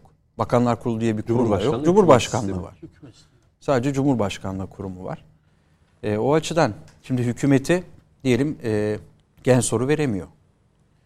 E, efendim soruşturma önergesi veremiyor. Yani meclisteki milletvekillerinin bir şeyi yok, bir işlevi yok. Hükümeti denetleyemiyor. E, o açıdan e, yani bizim alışa Denetleyebiliyor da klasik parlamenter sistemdeki gibi değil. evet. Farklı Yani bir- bizim alıştığımız hatta ta 1877 meclisinden beri bildiğimiz o yapının Bu dışında bir hissiyatta milletvekillerini biraz geriyor mu? ya geriyor değil de şu bir fonksiyonu yok. Yani orada E, tartışma, işte kavga, bu- bu siyasi Yılda bir kez olan bütçe görüşmelerinde de biraz şey yapalım da meclisin evet yani de- meclisin şu anda en önemli işi hakikaten şey e, bütçe görüşmeleri. Yani onun dışında diyelim hala kanun yapma Evet. e, şü- şüphesiz yetkisi var. Fakat e, yani birçok konu artık Cumhurbaşkanlığı kararnameleriyle çözülebildiği için o yasama e, kuvveti, yasama yetkisi de biraz böyle kenara e, düşmüş durumda, kenara itilmiş ya da birçok noktada bypass edilebilir durumda. O açıdan e, meclisin itibarını düşüren en önemli ola- olaylardan biri de bu sistemin kendisi. Yani güçlü bir hükümet bize göre güçlü bir meclisle olur. Yani o yüzden meclisin de e, yetkilerinin yeniden artırılması ile ilgili bir Düzenlemeye e, düzenlemenin olması gerekiyor. Şu an Türkiye'nin acil ihtiyacı bu mudur? Bence değildir ama Ama bu da mesela göz ardı edilmemeli diyorsunuz. Seçimde vurgulayacağımız noktalardan birisi de bu olacak. Yani güçlü hükümet için güçlü meclis gerekir. Yani bu ikisini birbirine rakip olarak koymak, efendim ayak bağı oluyor falan filan. Bu doğru değil. Çünkü meclis e, eninde sonunda halk iradesinin tecelli ettiği yer. E, ve bizce hükümetin de onun içinden çıkması lazım. Eskiden olduğu gibi. Peki. E, çünkü diyelim e, meclise dayanan yani halk iradesine dayanan halkın seçtiği diyelim vekillerin içerisinden çıkmış bir hükümet e, şüphesiz çok daha diyelim e, güven verecektir. Çok daha meşru olacaktır. Hem içeriye hem dışarıya daha çok güven verecektir. E, ya bu meclis hakikaten mevcut sistem partilerinin bence e, Türkiye'yi yönetme konusunda kadro birikimi açısından da entelektüel birikim açısından da çok yetersiz olduğunu gösteren e, özellikle bu son bütçe görüşmeleri bir kanıt oldu. Peki. Ya benim bir itirazım var Buyurun. izninizle. Ee, meclisin itibarını düşüren bu sistemin kendisidir. Ee, şeyine katılmıyorum asla. Ya ve de meclisi güçsüz kılan mevcut yürütmenin gücüdür. Ee, tespitine katılmıyorum. Şunun için katılmıyorum. Geçmişte e, parlamenter sistem içinde siyaset yapmış bir milletvekili olarak siyaset yapmış olarak bili- biliyorum. Ee, ya hiçbir şekilde meclisin saygınlığı yoktu. Yani işte partiler vardı. Partiler demokrasisi marifetiyle seçilen milletvekilleri vardı. Dolayısıyla milletvekillerin zaten tamamına yakını işte başbakan vardı. Başbakan partili başbakandı. Kendi hükümetini oluştururdu. Partili bakanlar ve zaten onlar bütçe yapıp getirirlerdi. Milletvekillerinin sadece oy vermenin, el kaldırmanın dışında hiçbir fonksiyonu yoktu. Doğru oturup doğru konuşmak gerekirse. Dolayısıyla yani sanki eskiden meclisin çok fazla itibarı vardı da ve de eskiden meclisen Fonksiyonu. e, parlamenter sistemde çok fazla gücü vardı da bu yeni sistemle birlikte meclis saygınlığını ve de gücünü yitirdi e, iddiası doğru değil. Ama şu şeyine katılıyorum. Yürütme ne kadar güçlüyse meclisin de bir o kadar güçlü olması lazım. Yargının da bir, bir o kadar güçlü olması lazım. Check balance sistemi dediğimiz ayar sistemi zaten bunu gerektirir. Bunun için de benim en başından itibaren seçtiğim, önerdiğim şey şudur. Cumhurbaşkanı halk nasıl doğrudan seçiyorsa milletvekillerini de kendi vekillerini de millet doğrudan kendisi seçebilmelidir. Nasıl bir sistem üretiyorlarsa üretsinler ama klasik e, demokratik sistem, partiler sistemi ve partiler demokrasisi dediğimiz sistem marifetiyle meclise gidenler, geçte giden milletvekilleri gerçekten milletin e, vekilleri olmuyorlar. Partilerinin vekilleri oluyorlar. Liderlerinin aslında belirlediği, milletin de parti tercihi dolayısıyla seçmek zorunda kaldığı insanlar oluyorlar. Dolayısıyla yeniden seçilebilmek için ya Kemal Bey'in ağzının içine bakıyorlar ya CHP'de ya e, X partide en güçlü e, siyasi oligark kimse onun eteğine tutunarak yeniden listeye girebileceğini düşünüyorlar. Dolayısıyla meclis bu partiler demokrasisi marifetiyle aslında itibarından ve gücünden çok şey kaybediyor. O yüzden ben sistemi ne şekilde kurgularlar bilmiyorum. Bu seçimde olmaz ama Türkiye'de güçlü meclis isteyenlerin doğrudan millet tarafından kendi vekillerinin seçtiği, seçilebildiği bir sistemde karar kılmaları gerekiyor. Peki. Eğer millet doğrudan kendi vekilini seçebiliyorsa, beğenmediğinde de tekrar sandıkta kendisi değiştirebiliyorsa emin oluruz ki var ya, meclisteki milletvekiller de çok güçlü olurlar. Mecliste çok saygın olur, çok da itibarlı olur. Aksi takdirde ne yaparsanız yapın, yeniden seçilebilme kaygısı e, milletvekilleri sonuçta o makamı tattıktan sonra tekrar yeniden olmak istiyor. Onun için Öyle bir şey mi o? Yani e böyle tabii siz de particilik yapıyorsunuz. Yani genel başkan bir şey söyledikten sonra siz bir şey söyleyebilir misiniz? Vallahi bize söylenebiliyor. Söyleyebiliyor musunuz? Tabii bize söylenebiliyor. E, e, görürüz inşallah. Çok, Doğu Bey e, bir şey söylesin bakalım sen söyleyebilecek Yok misin? söyleriz. Söyleriz Peki. söylüyoruz da. e, o da söylememizden mutlu olur zaten. Peki. İnşallah. Şimdi, Doğu Bey'e e, selam. Baş Ben burada Şimdi e, Coşkun Komutanıma döneceğim. ben burada Ta, tabii. Buyurun. Buyurun Murat Bey. Ben burada Sayın Metinlere katılıyorum ve çok teşekkür ediyorum. Memleket Partisi olarak başından beri söylediğimiz konu bu zaten. Eğer e, siz gerçekten güçlü ve saygın bir parlamento istiyorsanız siyasi partiler kanunu ortaya koyacaksınız. E, düzenlemesini yapacaksınız ve milletvekillerin e, genel başkanın iki dudağı arasından çıkartacaksınız ve memleketin, halkın e, özgür iradesi mecliste yerini bulacak. Siyasi partiler kanunu çıkarmadan, düzenlemeden daha doğrusu sadece merkez yoklamasıyla seçilen milletvekillerinin bu meclise çok fazla hayır getirmeyeceğini biz defaatle dile getiriyoruz. Bunu Peki. da buradan ilave etmek istedim. Teşekkür Ben de kısa bir şey ilave edeyim. Hadi Edwin. Yani bence bu konu biraz yanlış anlaşılıyor. Ya bugün siyasi partiler kanunumuzda şöyle bir madde yok. Yani milletvekili adayları efendim parti başkanının iki dudağı arasında olacak ya da milletvekili adayları merkez yoklamasıyla belirlenecek diye bir hüküm yok. Yani siz milletvekili adaylarınızı ister merkez yoklamasıyla belirlersiniz o partinin yetkili organının kararıdır. İsterseniz de ön seçimle belirlersiniz. Biz mesela ön seçimle belirliyoruz. Her Yani ön seçimde. seçim şart hale getirilebilir demek istedim ben. Ama şöyle yapalım. Yani mesela e, siz ön seçim uygulayabilirsiniz. Biz de ön seçim uyguluyoruz. Bütün partilerde ön seçim yapın diyebiliriz. Ama bazen öyle durumlar olur ki merkez yoklaması da bir seçenek haline Bizde gelebilir. Dolayısıyla yani çünkü partinin tanımadığı adaylar vardır ama çok kıymetlidir. Az oy alacaktır ama merkez bilir ki diyelim bu e, parti kamuoyunda meşhur değildir ama çok kıymetli bir akademisyendir örneğin. Dolayısıyla onu bir yere de sizin koymanız lazım ki e, hep böyle Yani delegesi çok olan olabilir. O, ona genel başkanların değil. yok. Bazen de delege Mutlaka, oligarşileri mutlaka. oluşuyor. Yani delege genel dayanışmaları oluşuyor çalış- falan. Yakın çalışma arkadaş Ama ben O ön açıdan- seçimin ön seçimin de bir siyasetçi olarak çok doğru sonuçlar verdiği kanaatinde değilim. Tabii, her Çünkü zaman vermez. milletvekili ilçe başkanını, E, tabii. o ilin genel başkan yardımcısı il başkanını belirliyor. Dolayısıyla delegeler sistemi böyle oluşuyor. O delegelerle ön seçime gittiğinizde o il başkanı delegeleri kim seçmişse, hangi siyaset seçmişse zaten sandıktan o çıkar. Peki Gazi Meclis'ten Ama siyasi, siyasi partileri partileri tartışmasına Dışlamamak geldik. lazım Mehmet Bey. Çünkü yani siyasi partileri çıkardığımız aslında zaman da çok şey var ama, e, Ama konunun dışına yani da çıkmıyor. halk sadece vekilleri Hayır, hayır. seçsin. O- o- Orada onu partiler- çıkarmıyoruz. Bir sistem bulu. Partiler olmadığı zaman demokrasinin hakikaten zemini Ben kalmıyor. partiler olmasın demiyorum. Zaten gelebilecek eleştiriler daha önce Doğu Bey de söylemişti bir programda. Partiler olmadan olmaz. Evet. Ama sadece ve yalnızca partiler demokrasisiyle de meclisi güçlü kılmak mümkün değil. Hele bu partiler demokrasisi. Peki.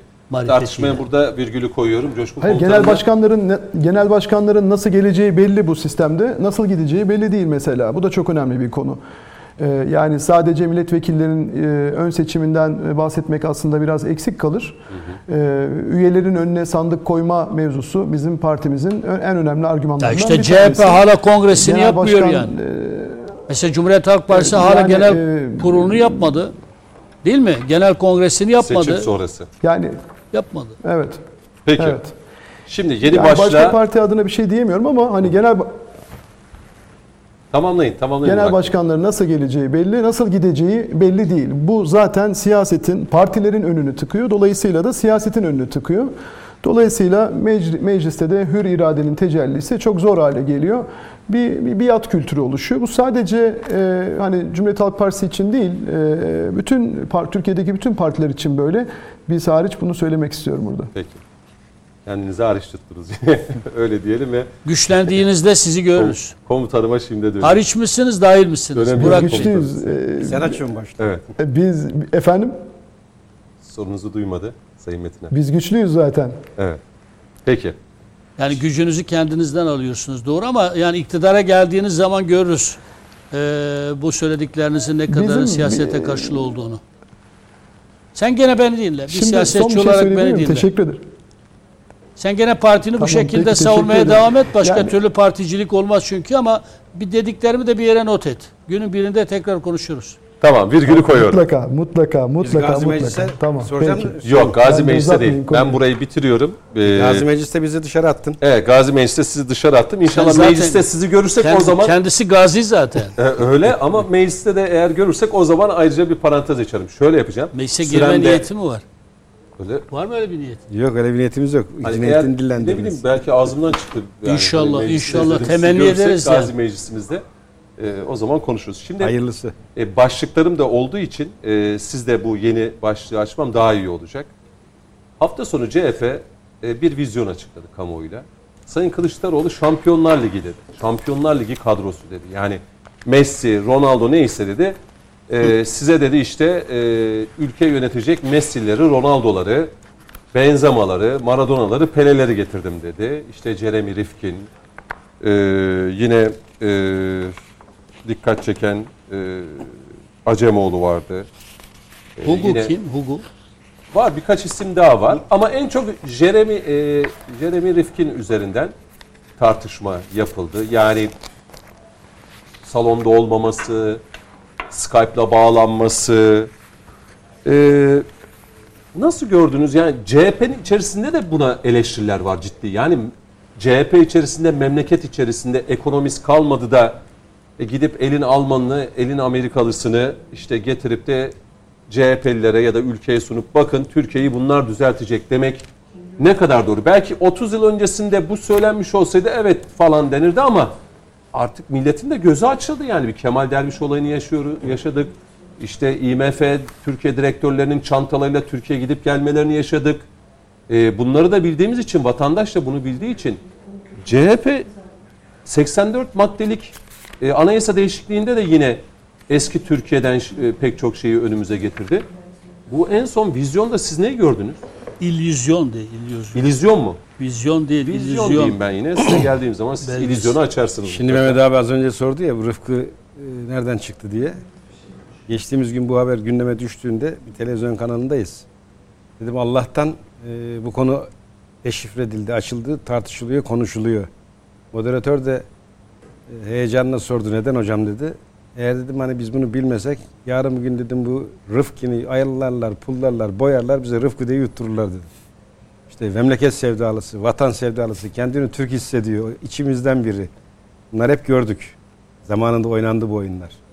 Kemal Derviş'in bir kurtarıcı olarak sunulduğunu hatırlayalım. Kemal Derviş'in devlet töreniyle karşılandığını hatırlayalım. Kemal Derviş'in bir proje olduğunu da hatırlayalım. Onunla birlikte hareket edenleri, Öztürk'ü falan da hatırlayalım. Bunlar aslında unutulmaması gereken gerçekler. Şimdi bu açıdan baktığınızda hani o kayıp 8 saat ne olduğunu ileride gelişmelere göre daha çok anlamlandıracağız diye benim hep açtığım başlık var. Yani siz belki ilk yönetmeniniz de hamburgercide Rıfkı'yla mı görüştü? İşte bilmiyoruz. O 8 saat buhar. Karanlık. Ne olduğu belli değil. Ben bir mizansen yaptım. Yani Kılıçdaroğlu hamburgerciye gidip de yan masada Rıfkı'yla tanışıp Yalnız bu arada ben de Rıfkı dedim özür dilerim. Yani Jeremy Rifkin. Yo yerleşti o. Herkes artık Rıfkı Yerleşti, diyor. Rıfkı dediği. Onun önünü açtık Allah'a şükür Rıfkı diye. Şimdi her, her yerde artık Rıfkı diye anılıyor. Ee, şimdi hamburgerci tanışıp da Kemal Kılıçdaroğlu herhalde ülkemizde siyaset yapar mısınız diye bir tesadüfi eser sonucu karşılaşıp davet etmiş değil. Hı hı. Bir hazır liste var. O listeyi ben dikkatle inceledim. Geçmişe baktığın takdirde enteresan birliktelikler çıkıyor. Şimdi bir, bu liste e, bana göre o 8 saat içerisinde önüne konan bir liste. Bunlarla yol alacaksın ve bunları tanıtacaksın diye sunulmuş bir liste. E şimdi listedeki isimlere bakıyorsun, ortak özellikler görüyorsun. Burada olan da dahil, dışarıdakiler de dahil. Şimdi Rıfkı başa oturtturulmuş ve ilk açılış konuşması ona yaptırıyorlar. Şimdi buradan sorarım. Güzel bir giriş yaptın. Bu ülkede hiç vatan evladı yok mu? Ben mesela futboldan soğudum. Niye? Fenerbahçe diyorsun, Galatasaray diyorsun. 11 futbolcu var, 9'u yabancı. Ya 85 milyondan çıkaramıyor muyuz da 3 milyon 5 milyonluk Belçika'dan adam getiriyoruz? Bunlar hep tartışılmalı, sistem sorgulanmalı. Geçen gün CHP'de Hurşit Güneş'i izledim televizyon kanalında. Üzgündü yani. Hani yıllarını vermiş. O da bir ekonomist. E Şimdi Yani o şu an oyun dışı. Şimdi bakın şöyle bir e, tablo var. McKinsey miydi bir araştırma şirketiyle biz zamanında bir gündem oluştu. Mackenzie. Ma- Mackenzie pardon. Denetleme. E, bu şirketle bir danışmanlık şirketi olarak çalışılma durumu tartışıldı, konuşuldu. Orada şu an bu kadroyu ülkeye getirenlerin söylemlerine dikkat ettim, baktım. Kemal Kılıçdaroğlu kıyameti koparmış. Amerika'yı ülkeye teslim ülkeyi Amerika'ya teslim edeceksiniz. Bütün namahrem bilgilere sahip olacaklar. Ülkede hiç vatan evladı yok mu? Keza Öztürk aynı. Faik. Öztrak. Ee, keza Öztürk aynı şekilde benzer çıkışlarla hiç mi vatan evladı yok da gittiniz da elin Amerikasından şirketi buldunuz geldiniz. Şimdi aynı kadro alladı pulladı kongrede ondan sonra bu kişiyi konuşmacı olarak getirdi. Soru bir. Rıfkı ne tanır, ne anlar, Türkiye'yi nereden bilir de neye danışmanlık yapacak? Bir de ne söyledi Rıfkı? Ben bir şey anlamadım da anlayanız Salon da anlamadı. Ne Ben anladım. Salon da anlamadı. Ben anladım. Salon da anlamadı. Çünkü normalde İngilizce İngilizce, konuştuğu İngilizce konuştu. yani. Tercüme etmem için kulaklıklara ben bakıyorum herkes. Bence organizasyon açısından o tam bir faciaydı. He bak konuşuyor kişi. Bir salon dinliyor. Yüzlerce binlerce kişi. Herkes üç aralığa kilitlenmiş. Ekran başında bir İngilizce konuşuyor. Ve bu benden biri diye bana yutturulmaya çalışılıyor. Şimdi bu kişinin geçmiş tarihine bakıyorsun. Ama salonda belki çoğu kişi İngilizce biliyor. Bilmem. Bende yok. Ben anlayamadım vatandaş Ahmet olarak. Ki ben esas oy sahibi, mülk sahibiyim. Ben vereceğim. O Jeremy değil. Ee, Ben vereceğim oyu. Amerika'dan almayacak. Benden alacak. Ama ceremesini bir çekeceğiz. Heh, ceremesini biz çekeceğiz. Şimdi bu kişi konuşuyor. Ne söylediğini kimse anlamıyor. Üstelik bu kişinin geçmiş siciline baktığın takdirde 6 tane ülkeyle çalışmışlığı var. En Slo- çok bilinen Merkel'in. Evet, de Slovenya, Almanya. Almanya şu an bunun açtığı yarayı sarmaya çalışıyor. Enerjideki fiyaskonun sebebi Rıfkı diyorlar. Ve bu işin katili o diyorlar. Yine Fransa, İngiltere aynı şekilde. Yani geçmiş karneler hep geçersiz. Portekiz. Ve bunlar çok ciddi paralarla geliyor. Bakın e, bir sevdiğim bir dostumdan öğrendim. E, Doran Acemoğlu. Daron. Daron Acemi. Daron Acemoğlu. Konuşmacı olarak çağırıyorlar. 50 bin dolar business uçuş ve business konaklama. Sadece konuşacak 50 bin dolar. Rıfkı için söylenen rakamlar 20-30 bin dolar arası geliyor geçiyor sadece konuşma. Şimdi biz neyi bilmiyoruz? Hangi esaslarda anlaşıldı? Nasıl bir para ödenecek? Bu kişi nasıl bir danışmanlık yapacak ve biz o danışmanlığı sayesinde nelere erişeceğiz? Bunlar hep karanlık. Amerikalı biri var. Getirdim. Ülkenin kurtuluşu bunda. Masal bu. E şimdi gene bir kişi, bir bayan, hemen buradan adını da söyleyeyim. Hacer Fogo. Fugu ne? ya? Bilmiyorum. Fugu mu Fugu mu? Fogo. Fugu. Şöyle yazmış bir tweetinde. Tarih bu kareyi yazacak. Bugün TV'den son kareler canlı yayın kameramanına müdahale ediliyor. Ne zaman? FETÖ'nün medya ayağında kullandığı yapılara müdahale edilirken. Bu kişi bu A takımın içinde. Profesyonel Şampiyonlar Ligi'nin içindeki oyunculardan biri. E Şimdi Hendek operasyonlarında da devlet çocukları katlediyor diyen heh, az önce bir başlık açtım. Dedim ki 44 Şampiyonlar- çocuk öldürdü 40 diyor. çocuk öldürdü. Türk devleti değil mi? Şampiyonlar Ligi'nde sunulan kadroya baktığın takdirde ortak özellikler görüyorum dedim. Bakın o özellikler neler? Bir, hepsi IMF'ci. Söylemleri var açık açık. Şimdi dikkat edin. Bir garabettir, bir büyük handikaptır. Bu ülkede Merkez Bankası'nı teslim ettiğimiz kişi Durmuş Yılmaz, IMF'den başka çıkış yolu yok diye yırtındı. Daron Acemoğlu da onu söylüyor. O da aynı şeyi söylüyor. İme, Fogo da aynı şeyi söylüyor. Ve bakın hiç şüphe etmesin buradan bizi izleyen ve dinleyenler. Allah korusun olmaz da ben öyle bir ihtimal asla vermiyorum. Çünkü seçim oranları çok ciddi Cumhur İttifakı lehinde değişiyor. Herhangi bir olası iktidar değişikliğinde doğrudan Marshall yardımı gibi efendim gidip kucağına oturacağımızdan hiç kimsenin şüphesi olmaz. Bakın bütün söylemler hazır. Zaten enkaz devraldık. Başka çare yok. IMF ile diye. Ki bakın ki benim gençlik döneme denk geldi. Ben esnafın, sivil halkın şu söylemini çok iyi hatırlıyorum. Kardeşim yeter bu IMF, IMF, IMF. Sürekli kanımızı yemiyor. Bir milyar borç verdi diye davullar çalıp bayramlar yapıyoruz. Kaç paraysa buraya borcumuz. Yüzüğümüzü, malımızı, mülkümüzü satalım. Devleti bir düze çıkaralım. Lanet olsun bitsin bu iş. Diye haykırdığı günler ben çok iyi biliyorum. Bana şu an bütün partilerin isimlerini kapat. Altına tek madde yaz. IMF ile bütün ilişkiyi kesecek de o parti hangisi ise direkt oyumu ona veririm. Yeter Yani siz diyorsunuz Bize ki bu onu. Şampiyonlar Ligi kadrosu bu liste Türkiye seçimi kazanırsa IMF'ye Türkiye'nin yeniden teslim edilecek anlamına geliyor. Bu birinci başlık. İkinci başlık az önce ör- örneklediğimiz hususlar. Hendek olayları. Çözüm sürecinde bil fiil hükümet aleyhine söylemler, örgüte destek çıkan söylemler. Bu da bir ortak özellik. Üç, önümüzdeki süreçte Türkiye'yi bambaşka maceralara sürükleyecek politikaların destekleyicisi olmaları. Şimdi bütün bunların hepsinin uygulandığını varsayarsak ülkenin 2020 sonrası için eğer bu kadro işe gelirse vah ki vah. E şimdi hani bir Messi olur da dersin ki geçmiş sicili var. Adam tek başına takım. Bir de biz deneyelim. Hani diyor ya bir de beni deneyin diye. Rıfkı'da öyle bir talep var mı bilmiyorum. Bir de beni deneyin, bir de beni deneyin diye. Çünkü her yerden dirsek yemiş, her yerden dışlanmış bir kişiyi konuşuyoruz. Bakın Avrupa hala enkazını kaldırıyoruz diyor. Bize kurtarıcı gibi gelen kişinin. E diğerlerini saydık. Örneğin Peki bu durumda Ali Babacan ne olacak? Rıfkı varsa, Davran Altılı Acemoğlu masadaki. varsa. işte dışarıdan bir uluslararası karar verici devrede olduğu için babacanın haddine değil buraya yorum getirmek, e, burayı eleştirmek. Zaten aynı programı. He. Benzer zaten takım arkadaşları. Tamam anladık. Şimdi Doran Acemoğlu Allah yüzünü güldürsün. Bizi o kadar güldürdün ki işte meclise girersin de artık meclis senin gülen yüzünle. İnş, inşallah Allah hayırlısını versin ne verirse. Şimdi Doran Acemoğlu. Burak Burak kardeşimi de isterim yani. Gerçekten inşallah o da vesile olur. İnşallah. Şimdi Doran Acemoğlu e, Utku Bey istemiyor musunuz? Utku meclis dışı bir gelenekten geldiği için o meclis dışında daha faydalı olur. Siz bize bizi mecliste görün. neler yapacağımı görün. Ama Doğu Periçe'yi genel başkanı görmek isteriz. Şimdi Doran. Doran Acemoğlu daha yeni bugün sosyal medyada çok tartışılıyor. Atatürk'e zorba diyecek derecede haddini aşan bir kişi.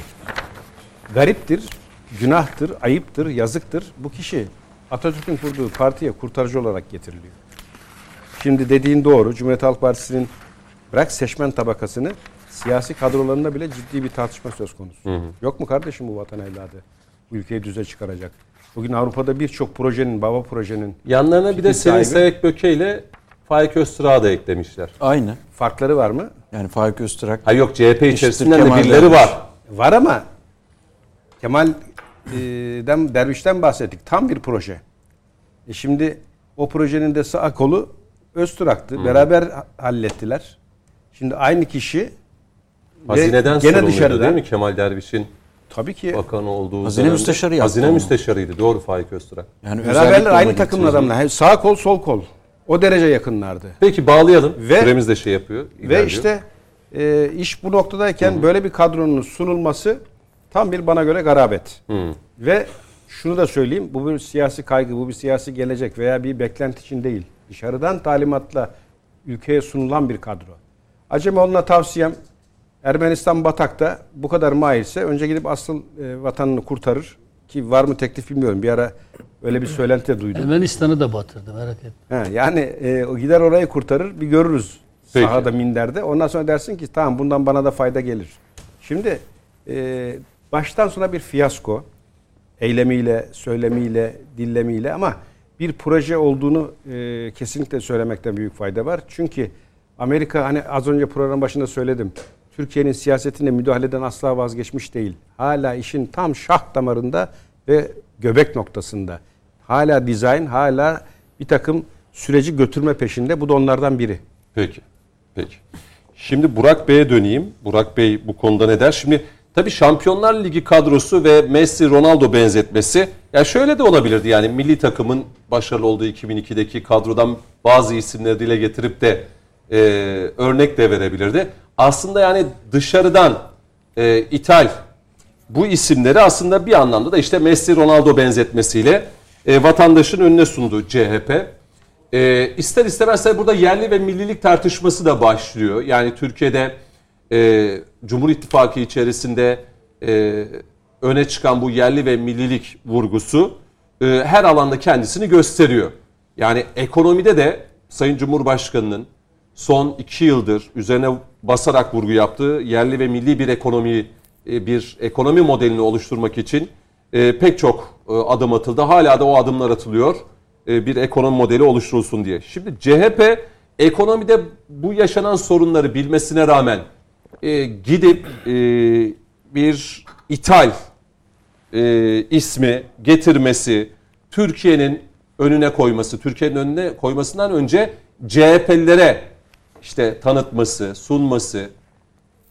E, açıkçası hani ben hani bu işi yapmasam, e, CHP'ye gönül vermiş birisi olsam ve bu yaşlarda biri olsam ya Amerika yeniden mi keşfedeceğiz? Yani keşfediyoruz derdim herhalde içimden. Hani bu nereden çıktı diye kendi kendime sorular sorardım. CHP niye yani size göre stratejik bir hatam var burada? E, yoksa doğru yani doğru da yapmış olabilir. Bilemiyoruz ama nasıl görüyorsunuz siz?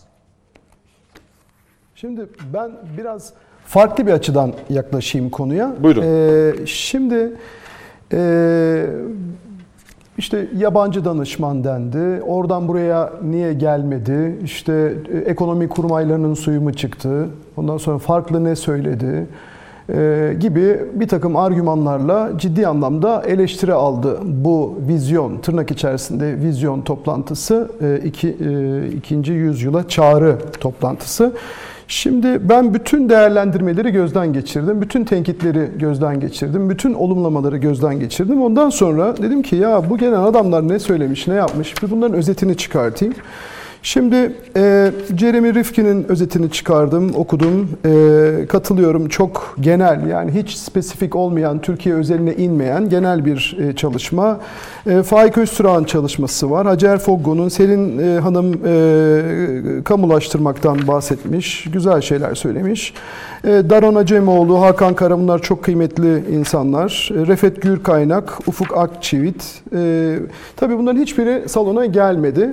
Şimdi ben şu konuya şöyle gireyim. Biz Memleket Partisi olarak e, en çok kullandığımız argümanların başında ister iktidar partisinden olsun, ister muhalefet partilerinden olsun doğruya doğru demek, yanlışa yanlış demek. Biz bunda hiçbir şekilde geri bir duruş içerisinde olmamayı e, kendimize e, şiar edindik. Yani bunu bir kere söyleyeyim. Şimdi ben bunu aslında olumlu buluyorum. Neden? Çünkü e, CHP yönetimi memleketin içerisinde bulunduğu ekonomik koşulları düzeltmek adına bir çaba sarf ediyor. Bir bir bence bir sıçrayış var e, Sayın Kemal Kılıçdaroğlu'nun vizyonunda da. Çünkü e, daha önce e, belki hatırlarsınız muhtarlara özel kalem müdürü atamaktan e, başladı veya e, kahvehanelerdeki iskambil kağıtlarıyla alakalı bir takım yorumları vardı. Şimdi en azından e, olayı biraz daha vizyon kısmına çekti. Ben bunu olumlu bir gelişme olarak görüyorum. Tabii bu konuşmalara da baktığım zaman e, Sayın Genel Başkanımın 2018 e, seçim beyannamesindeki e, ekonomi vurgulardan e, herhangi bir fazlalık göremiyorum. Yani e, burada e, kuantum e, işte e, uzay madenciliği ondan sonra piller, enerji yani bunlar devamlı bizim e, zaten Genel Başkanımızın bahsettiği konulardı. Dolayısıyla bir farklı bir konu görmüyorum. İkinci olay da şu. Şimdi bana bize göre memleket partisine partisi olarak bize göre memleketin sorunu belli. Yani bizim sorunumuz 10 bilinmeyen bir denklem değil. Bize göre ekonomi yönetimi ciddi anlamda sorumluluk taşıyor. Ee, Yani ekonomi bildiğini iddia eden yürütmenin başı e, bu konudan sorumludur. E, Ben ekonomistim dedi. E, Bize göre ideolojik saplantılarla e, bence ekonomide akıl ve bilim çizgisinden uzaklaşılmıştır. Dolayısıyla Türkiye'deki yerli ve milli ekonomi kurmayları eğer e, rahat çalışma imkanları verilirse, rahat bırakılırsa bu sorunun üstesinden gelmesi e, kuvvetle muhtemeldir. Yani bunun için e, yabancı e, bir yabancı bir e, danışmanlık hizmeti almasına kanaatimce gerek yok. Ama bir, bir de şöyle bir durumda var. Ya biz açık bir toplumuz. Yani e, bizler de gidip danışmanlık hizmeti veriyoruz. E, alabiliriz. Bu da gayet güzel bir şey. Ben bunu e, yani rahatsızlık e, verici bulmuyorum. Zira Coşkun Bey'in de bahsettiği gibi daha önce de e, bu hükümet Mackenzie'den ciddi anlamda destek aldı. E, O zaman da tabii muhalefetin ağır eleştirileri vardı. Siz hangi bilgileri paylaştınız? Ne kadar para ödediniz? E, Nasıl e, tavsiyeler aldınız tarzında bir takım e, eleştirileri vardı. Eminim e, CHP yönetimi de bu konuyla ilgili bir takım açıklamalar yapacaktır. Şeffaflık e, ilkesi adına ya da tutarlılık açısından daha önce sorduklarına benzer bir şekilde e, ya ben bu noktada çözümü dışarıda aramayı çok doğru bulmuyorum. Biz her ne kadar kapalı bir toplum olmasak da açık bir toplum olsak da e, dışarıya danışmanlık hizmeti versek de dışarıdan danışmanlık hizmeti alsak da ben sorunun çok büyük olduğunu, ya sorun büyük ama sorunun e, cevabının basit olduğunu düşünüyorum. Dolayısıyla bu noktada yabancı hayranlığını anlamış değilim. E, yani e, bir başka programda da e, sarf ettiğim yine tekrarlamak istiyorum. Atatürk'ün bir sözü var. Beni Türk hekimlerine ema- emanet ediniz diye. Şimdi ben bir hekimim. Ailemdeki herhangi bir yakınımın kendi branşımla alakalı olarak bir başka hekimden hizmet alma e, isteği benim onurumu, gururumu kırar. Dolayısıyla yani burada e, Türk ekonomisini yönetecek e, çok saygın bilim adamları var, e, çok saygın ekonomistler var.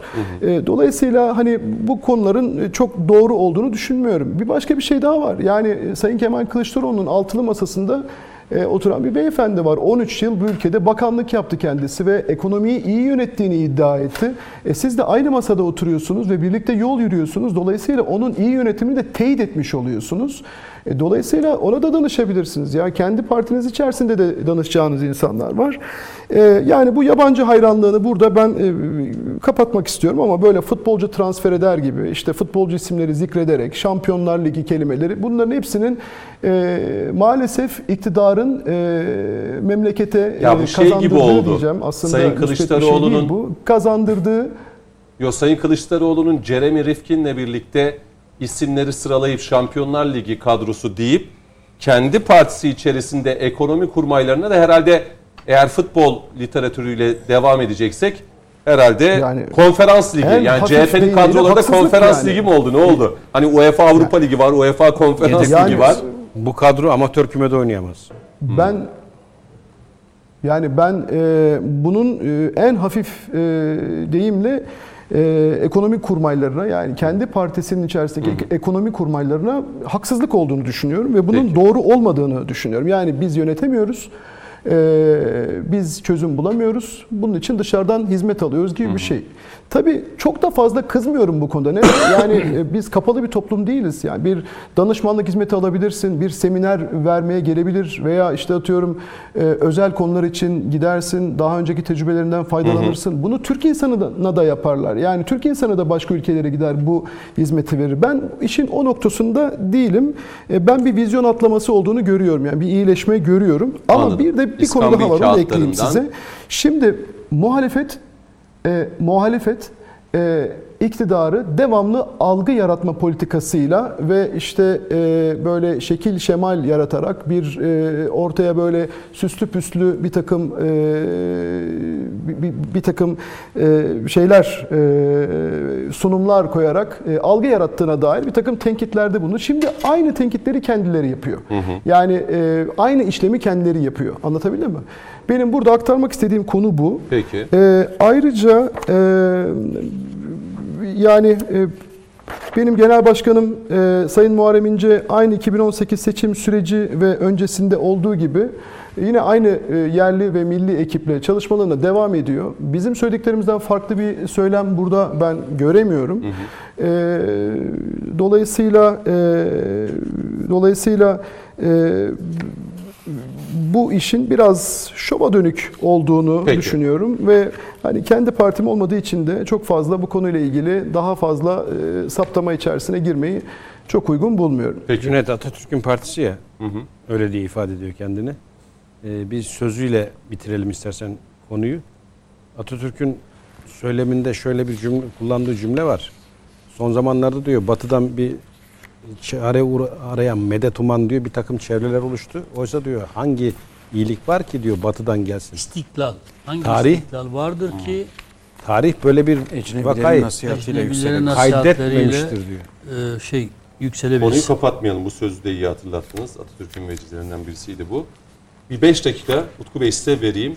E, Coşkun Bey biz bir şey anlamadık dediniz. Ben anladım dediniz. Orada Jeremy Rifkin'in konuşmasında. Sonra bu bölümü Sayın Metiner'le bitireceğim. Buyurun.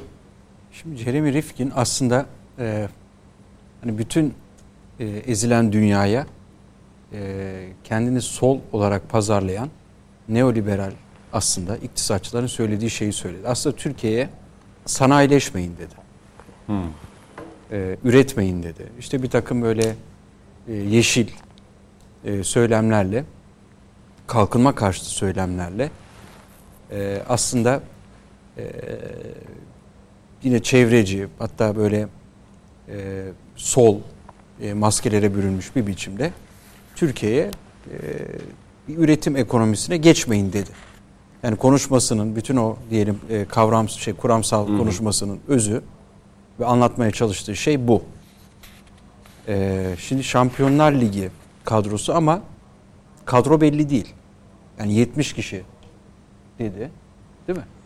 70 Rakam kişilik o. bir kadrodan İşte bahsedildi. Şampiyonlar Ligi'nin Messi'sini Ronaldo'sunu getirdim dedi. Ama 70 kişi kim bu 70 kişi onu bir türlü açıklamıyorlar. Yani bizim gazeteci arkadaşlarımız da soruyor, soruşturuyor bir türlü. İşte açıklayacaktık ama işte bir- biraz ertelendi falan filan deyip geçiştiriyorlar. İşte biz perde önündeki bir e, 7-8 kişiyi şu ana kadar seçebildik ama geri kalan 70 kişi kim bilmiyoruz. Yani o 70 kişi ortaya çıktığı zaman aralarında diyelim e, Hacer Foggo gibi ya da e, işte Daren Daron Acemoğlu gibi e, hangi defoları olan insanlar ortaya çıkacak onu da bilmiyoruz. Ama en azından ortaya çıkan tablodan gördüğümüz şu, e, o ekonomi kurmaylarının tamamı e, küreselleşmeci, e, devletin ekonomideki ağırlığının kalkmasından yana olan ve e, batı e, tipi diyelim gelişmenin e, insanlık için tek seçenek olduğunu söyleyen bir şey, e, bir yaklaşım. Mesela Daran Acemoğlu'nun e, kitaplarına baktığınız zaman e, mesela Amerika ve Meksika'yı kıyaslıyor. E, işte sınırdaki kasabaları karşılaştırıyor. Yani sınırın bir tarafında Amerika var, öbür tarafında Meksika var ama aynı toplum yaşıyor. Bir taraf çok gelişmiş, bir taraf gelişmemiş. E, gelişmenin kıssasını da işte o Amerika'nın liberal demokrasisine bağlıyor ve e, bütün dünyaya da o modeli yani Amerika'nın liberal demokrasi modelini örnek olarak veriyor. Yani kalkınmak, gelişmek istiyorsanız kendinizi Amerika'ya uyduracaksınız diye kitap yazmış bir kişi. Daran Acemoğlu. O açıdan eee yani Kılıçdaroğlu sadece IMF'ye bizi bağ, bağlama niyetinde olsa gene iyi. Hani IMF'nin bir şekilde Ben bir oradan var. örnek verdim. Yoksa dediğin gibi Ya bütün- birçok baş. Bakın diyor ki işte bankalarla görüştüm, fonlarla görüştüm, bilmem neyle görüştüm. İşte 100 milyar dolar oradan getireceğim, 50 şuradan, 30 buradan falan deyip toplamda 200 küsür milyar dolarlık bir şey. Bakın bu paralar, bu kaynaklar bazı siyasi bağımlılıklarla beraber verilir. Bakın IMF de öyleydi. Hatırlay- hatırlayın o e, anlaşmalar yapılırdı ve karşında bir takım siyasi e, vaatler sizden istenirdi. Siyasi teminatlar istenirdi. Reçete sunuldu Türkiye'nin önüne. Heh. Şimdi mesela ne Bu istenecek? Bir. Ya biz size bu parayı veririz ama şu PYD'nin üzerine bir gitmeyin. Biz size bu parayı veririz ama böyle işte e, Doğu Akdeniz'de Memur Yunanistan'da zamları şöyle olsun, emekli zamları şöyle olsun diye her şeyi belirler. yani onun ötesinde Türkiye'nin milli güvenliğiyle ilgili da konularda dahi yapıl- doğru. yapılacak. Yoksa işte şöyle kemer sıkın, emekçiden şöyle alın. işte şunu da özelleştirin. Yani bize borcunuzu ödemek için şimdi bu babasının hayrını vermiyor. Atıyorum yarın diyecek ki Çaykur'u da özelleştirin. Ve diyorlar şu varlık fonunu bir dağıtın. Bakın bu toplantıda dediler ki bir de varlık fonunu dağıtın. Varlık fonu nedir? Bütün devletlerin olan ve devletçi bir uygulamadır. Şimdi bu e, Sayın Kılıçdaroğlu biz neoliberalizme karşıyız diyor. Sonra da varlık fonunu dağıtacağız diyor. Niye dağıtacaksınız? Özelleştirmek için mi dağıtacaksınız? O açıdan Ama Selin Sayek Göke'de aynı toplantıda Bence Bence o- konuşmada kamucu ekonomiden bahsediyor. o, o, o hiç, hiç, Enteresan bir şey. Kamulaştırmaktan bahsediyor. hiç alakası olmayan bir şey. Yani Değil o mi toplantının Burak Bey yanlış hatırlamıyorsam. doğru dedi ama E, o toplantının geldi bütün Evet. şeyleri devlet kamulaştıracağız diye. e, yani CHP'nin öyle bir programı yok ki. Yani CHP'nin programına Hayır baktığınız Rıfkı zaman Bey'e mi inanacağız? E, tabii ki Darun Acemoğlu'na mı inanacağız? Herkese mavi boncuk. Tabii ki kampanya. Selin Sayek Rifkin'e- Göke'ye mi inanacağız? Tabii yani ki Rif- kamucu bir Rif- ekonomiyle senin sözünü ettiğin ekonomik modelin birbirine zıttı olduğunu aklı başındaki Herkese herkes mavi boncuk. e, Kemal Bey diyor ki biz Ali Babacan'la %99 Şöyle diyor. anlaşıyoruz. Biz E, ekonomi programını diyor Altılı Masa'nın Ali Babacan Bey yazıyor dedi değil mi birkaç ay öncesine kadar. O zaman Şimdi bu kadar para vermek niye? O da enteresan bir şey. O da bir e, bence bir çapsızlık göstergesi. Yani, Yani bu bahsedilen kişi 100 bin aylık 100 bin dolar civarında para Ya verilecek. bu bahsedilen kişi mesela bunu bir dava edilmiş bir kişi değil ki. Mesela biz topla, toparlanalım diyelim bu kadar paramız olsun. Verelim gelir bize de danışmanlık yapar. Yani Üstelik Hani böyle ülke- bir e, kendisini Türkiye'ye adayacak falan filan bir kişi değil ki. O açıdan e, mesela diyelim nükleer enerjiye yönelen, yeniden kendi kaynaklarını diyelim madenlerini çıkararak ağır sanayi hamleleri yapacak. bir ülke olmalıyız biz. Bugün Rusya-Ukrayna krizinde de gördük ki işte Almanya nükleer santralleri ve kömür santrallerini kapatmanın acısını çekiyor ve bunları o kafanın e, sonucuydu bunlar. Rifkin kafalarının sonucuydu. Yani yarın Türkiye özellikle yaşadığı coğrafyayı da düşünürsek bunların sözlerine uyarsa ve o diyelim e, yeraltı kaynaklarını çıkarmaktan sırf çevreci emeller uğruna ya da sadece yeşil enerjiye bel bağlayarak falan e, yol yürümeye kalkarsa Türkiye yarın başına neler geleceğini e, tahmin etmek zor değil. O açıdan e, bir cümleyle daha bağlayayım. şöyle bağlayalım. Yani bakın şöyle bir teknokratizm de var burada. İşte ekonomiyi ehline test şey yapalım. Sanki böyle ekonomi tıp gibi bir bilim. Yani tek bir doğrusu var. Yani bir diyelim ya da bir fizik gibi bir bilim tek bir doğrusu var. Ee, onu da bilen ekonomist denen bir zümre var. Onlara teslim edersek her şey sönür, e, çözülür. Halbuki ekonomi bir siyasi tercih. Yani şöyle özetlenebilecek bir siyasi tercih. Biz kaynağı nereden yaratacağız? Yani nereden tasarruf ederek yaratacağız? Örneğin emekçiden mi tasarruf edeceğiz? Sermayedardan mı tasarruf Yani edeceğiz? şu an nereden Türkiye'nin mesela edeceğiz? uyguladığı üretim modeli bir siyasi tercihtir değil mi? Ya da ve ve ikinci olarak da o tasarrufları yani o kaynakları nereye harcayacağız? Bakın bu siyasi bir konudur. Yani ekonomistlerin e, işte sadece bilim yapan insanların falan çözeceği bir sorun değildir.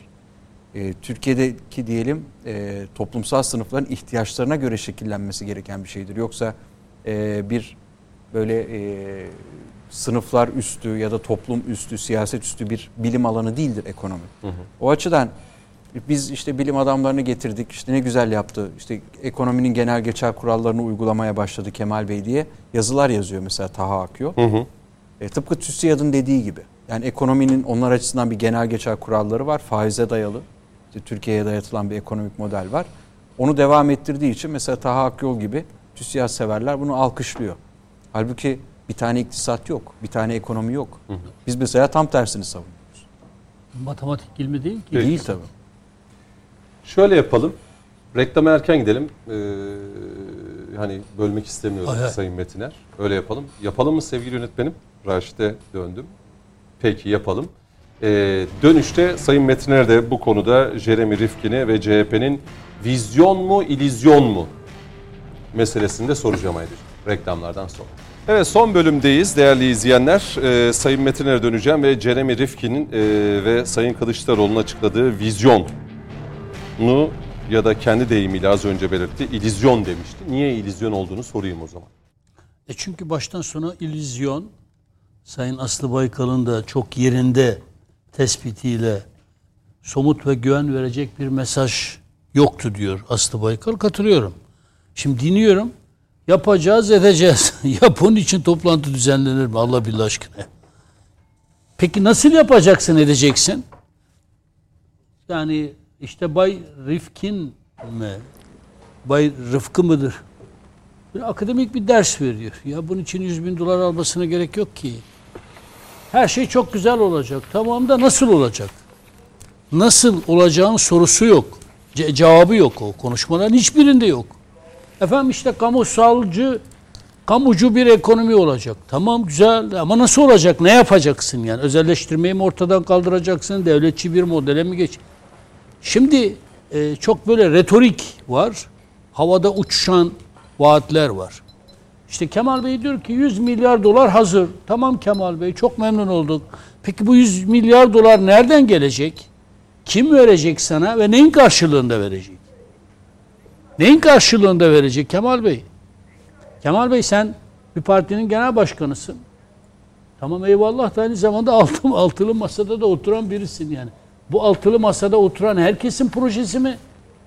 Yoksa sırf CHP'nin projesi mi? CHP kendi başına iktidara yürüyor da biz mi bilmiyoruz? Kemal Bey CHP'nin Cumhurbaşkanı adayı da kendi iktidar programatiğini hazırlıyor da biz mi bilmiyoruz? Peki bu zaman o zaman altılı masadakilerin varlığı neye tekabül ediyor? Bu masa ne işe yarıyor?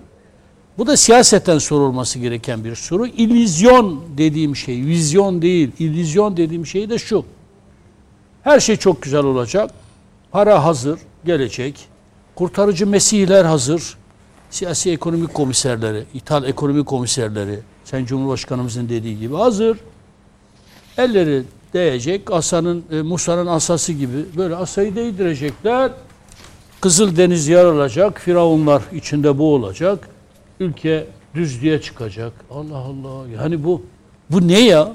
Ya bu siyaset mi Allah billah aşkına ya? Hani çocukların eline lollipop mu diyorsunuz? Lollipop mu diyorsunuz? Ne böyle Rıf, Rıfkı gibi bir şey yani. Veriyorsunuz. Aslı Baykal Amerikalı bir sömürgeyi, Şimdi sömürge bakınız. komiseri gibi getirip sunmak dedi. Bakın şu, şu çok önemli. Kemal Bey çıksın desin ki bu 100, lira, 100 milyar doları bize şunun karşılığında taahhüt ettiler. Şey Utku Başkan çok güzel bir şekilde açıkladı. Doğu Akdeniz'de şunu yapmayacaksınız. Suriye'nin Irak'ın kuzeyine bu hamleleri yapmayacaksınız.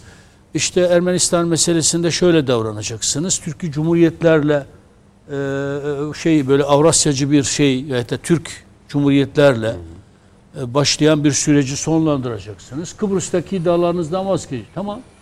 Bunun karşılığından veriyorlar. Peki hangi faiz oranıyla veriyorlar? Nasıl ödeyeceksin bunu? Bu 100 milyar dolarla ne tür projeler yapacaksın? Bütün bunları anlattı mı bize? Anlatmadı. İllüzyon dediğim şey bu. O yüzden izniniz olursa e, yeni bir siyasal akıl doğuyor diye tanımladığım Aslı Baykal ki bana göre herhangi bir e, şey değil. E, kendisinin e, bir siteye vermiş olduğu röportajı da okuduğumda Abdülkadir Servili olan yok onun dışında bir yerde okudum adını anmayayım. E, çok anlamlı bir söyleşiydi. Bak ben siyaset yapan bir insanım. Siyasetin teorisini bilen bir insanım. Klasik, geleneksel e, şey e, siyaset bilime çok ilgi duyan bir insanım. Fakat gerçekten Aslı Baykal'ı okuduğumda müthiş bir siyasi akıl gördüm. Hmm. Bak gerçekten hayranlıkla her bir kelimesinin altına imzamı atıyorum. O yüzden yeni bir siyasi akıl doğuyor diye not aldım Aslı Baykal için. Söylediklerini okuyacağım sadece izninizle. buyurun buyurun. Bir, uzaylıları dinler gibi dinledim diyor. Müthiş bir şey bu. Yani Türkiye'yi tanımayan hani uzaydan gelmiş falan. Müthiş bu ama yani. Türkiye küresel ekonomik kriz ile başa çıkarken bir Amerikalının çıkıp akademik üslupla küresel ısınma teorisi anlatması biraz komik geldi. Yani bu gülünecek bir şey gerçekten. Yani işte Bay e, Rıfkı'dan bahsediyor. Bize küresel ısınma Daha teorisini da anlatıyor. ağrı Amerikalı bir sömürge komiseri gibi. da var şey anlatacağım. Ee, üstelik bu sorumluluğu e, e, Almanya'nın üstelik bu şahıs yani Bay Rıfkı senin tabirinle Almanya'nın enerji krizi yaşamasının sorumlularından da biri. Somut ve güven verecek bir mesaj yoktu. Bir de şu çok önemli bence. İki yıldır partide yani CHP'de kurultay yapmayan Kılıçdaroğlu'nun tek adam rejimine karşıyız demesi de bir başka fıkraydı diyor en vurucu cümleleri bu bunu bir CHP'li siyasetçinin söylemiş olması CHP'nin içinden doğan yeni bir siyasal aklı takdir etmemin sebebi bu. Genellikle hep batı perest olurlar. İşte batının kanunlarını alırsak, batının yaşam tarzını alırsak, batının ideolojilerini alırsak, Ki zaten- bunun da bunu da Türk idrakine giydirirsek, Türk yaşam tarzına döndürürsek ülke kurtulur diyen bir beyaz seçkinci anlayışın şeyidir CHP. Aslı Baykal'da zaten şunu Aslı diyor. Baykal ben batıcı aşağılık kompleksini hiç anlayamıyorum. Ama diyor burada CHP işte içinde. yeni siyasal akıl dediğim şey bu. Bakınız sö- söylem analizi çok önemlidir. Ben batıcı aşağılık kompleksini hiç anlayamıyorum. Bu müthiş bir şey bu. CHP içinden çıkan bir aklın, Deniz Baykal'ın kızının e, seçime giden bir partinin sunumunda bir Amerikalıyı sömürge komiseri gibi hem de ilk konuşmacı olarak sunmak CHP'de aklın tatilde olduğunu gösteriyor. Buradan Aslı Hanım'a sevgilerimi, takdir duygularımı iletiyorum. Ama beni en çok etkileyen sözlerinden biri şu oldu. Herkes sadece Deniz Baykal'ın kızı olarak takdim ediyor ya. Müthiş bir şeydi. Ben babama son derece e, saygı ve güven duyuyorum. Evet Deniz Baykal'ın kızıyım ama ben Deniz Baykal'ın siyasal uzantısı değilim. Müthiş bir şey bu. Müthiş bir özgüven ama aynı zamanda da siyasal akılla beslenen müthiş bir özgüven. Bence buradan e, çok anlamlı yeni bir siyasi e, hat ortaya çıkabilir ve söylediği bir şey daha çok önemlidir. Türkiye'de artık sağ sol siyaset yok. Milli, AK Parti'ye geçer mi? milli e, bir gayrimilli. çizgi var. Bir de gayri bir milli çizgi var. Eğer gayri milli çizgiyle milli çizgi karşı karşıya gelirse benim safım milli çizgiden yana olur. nereye geçeceğinin bir önemi yok ama tek başına Aslı Baykal'ın bu söyleminin Türk siyaseti açısından çok büyük bir önemi vardır. Bundan sonra da Aslı Baykal'ın söyleyeceği her bir sözün çok iyi dikkatle takip edilmesi gezim. Eğer e, eğer değil kesinlikle 2023 seçimleri, Cumhurbaşkanlığı seçimleri bağlamında özellikle milli çizgide olanlarla gayri milli çizgide olanların bir hesaplaşması biçiminde ortaya çıkacaktır. Safını çok net bir biçimde ortaya koymuştur. AK Parti'ye katılırsa da herhangi bir birey olarak tabii ki e, katılmayacaktır. AK Parti'ye çok anlamlı katkılar sunarak katılacaktır. Katılırsa bundan kendi adıma büyük bir memnuniyet duyuyorum. Ama bir aparat olarak katılmasının kendisine de AK Parti'ye de bir faydasının olacağı kanaatinde değilim. Katılacaksa bu katılımın çok daha büyük ölçekli başka bir temsil düzeyinde de olması gerektiğine inanıyorum. Ama kendi başına da hareket ederse e, bu çizgisinin Türk siyasetine yeni bir anlam, yeni bir güç ve itibar kazandıracağı kanaatindeyim. Son 6-7 dakika hatta e, bu var Cüneyt, millilikle alakalı kapatmadan. şu birkaç cümleyi şey yapayım. Aslı Baykal'la alakalı da konuşacaklarımız var da. Bu konuyu kapatmadan şunu, Şunu yok söyleyeyim. kapatmıyorum.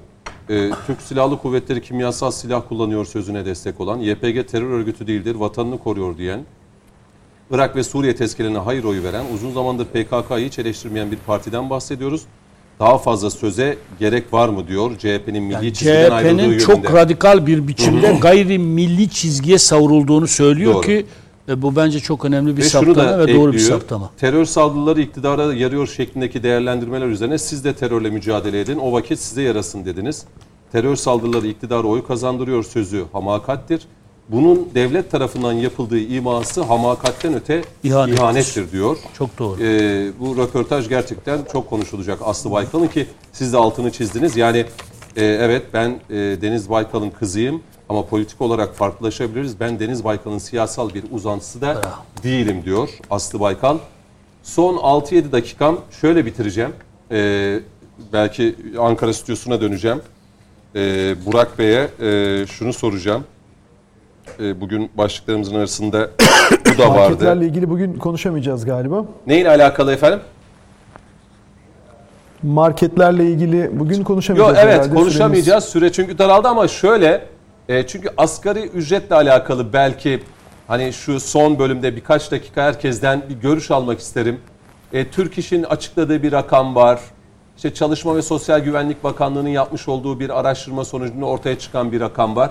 E, siz ne diyeceksiniz bu konuda e, Memleket Partisi olarak bu asgari ücretle alakalı bir rakam desem Memleket Partisi ne diyecek?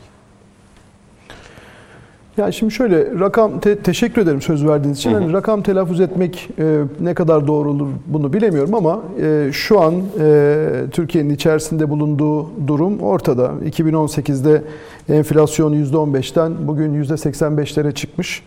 Dolar 4.60'dan gelmiş 18.60'lara. E, yani dolayısıyla vatandaşın alım gücü oldukça düşmüş.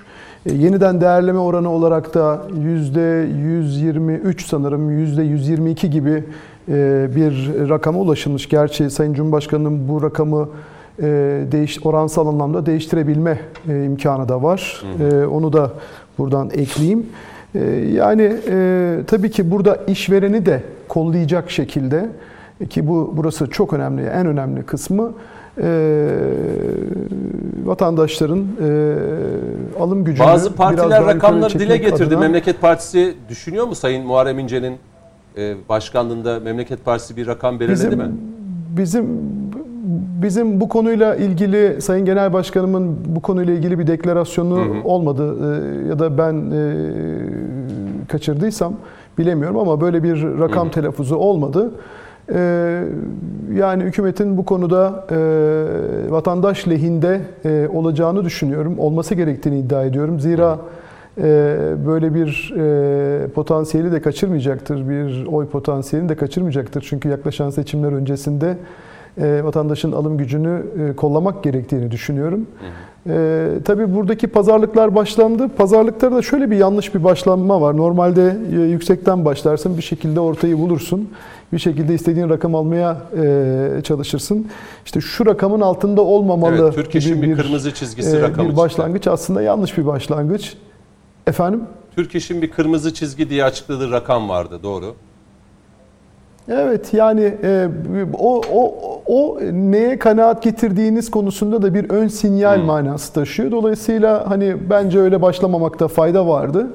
E, daha yüksek bir rakamla başlayıp en azından bir pazarlık konusu edilebilirdi bu ki zira şu ana kadar hep böyle oluyordu. E, özetle şu an içinde bulunduğumuz e, ortamda e,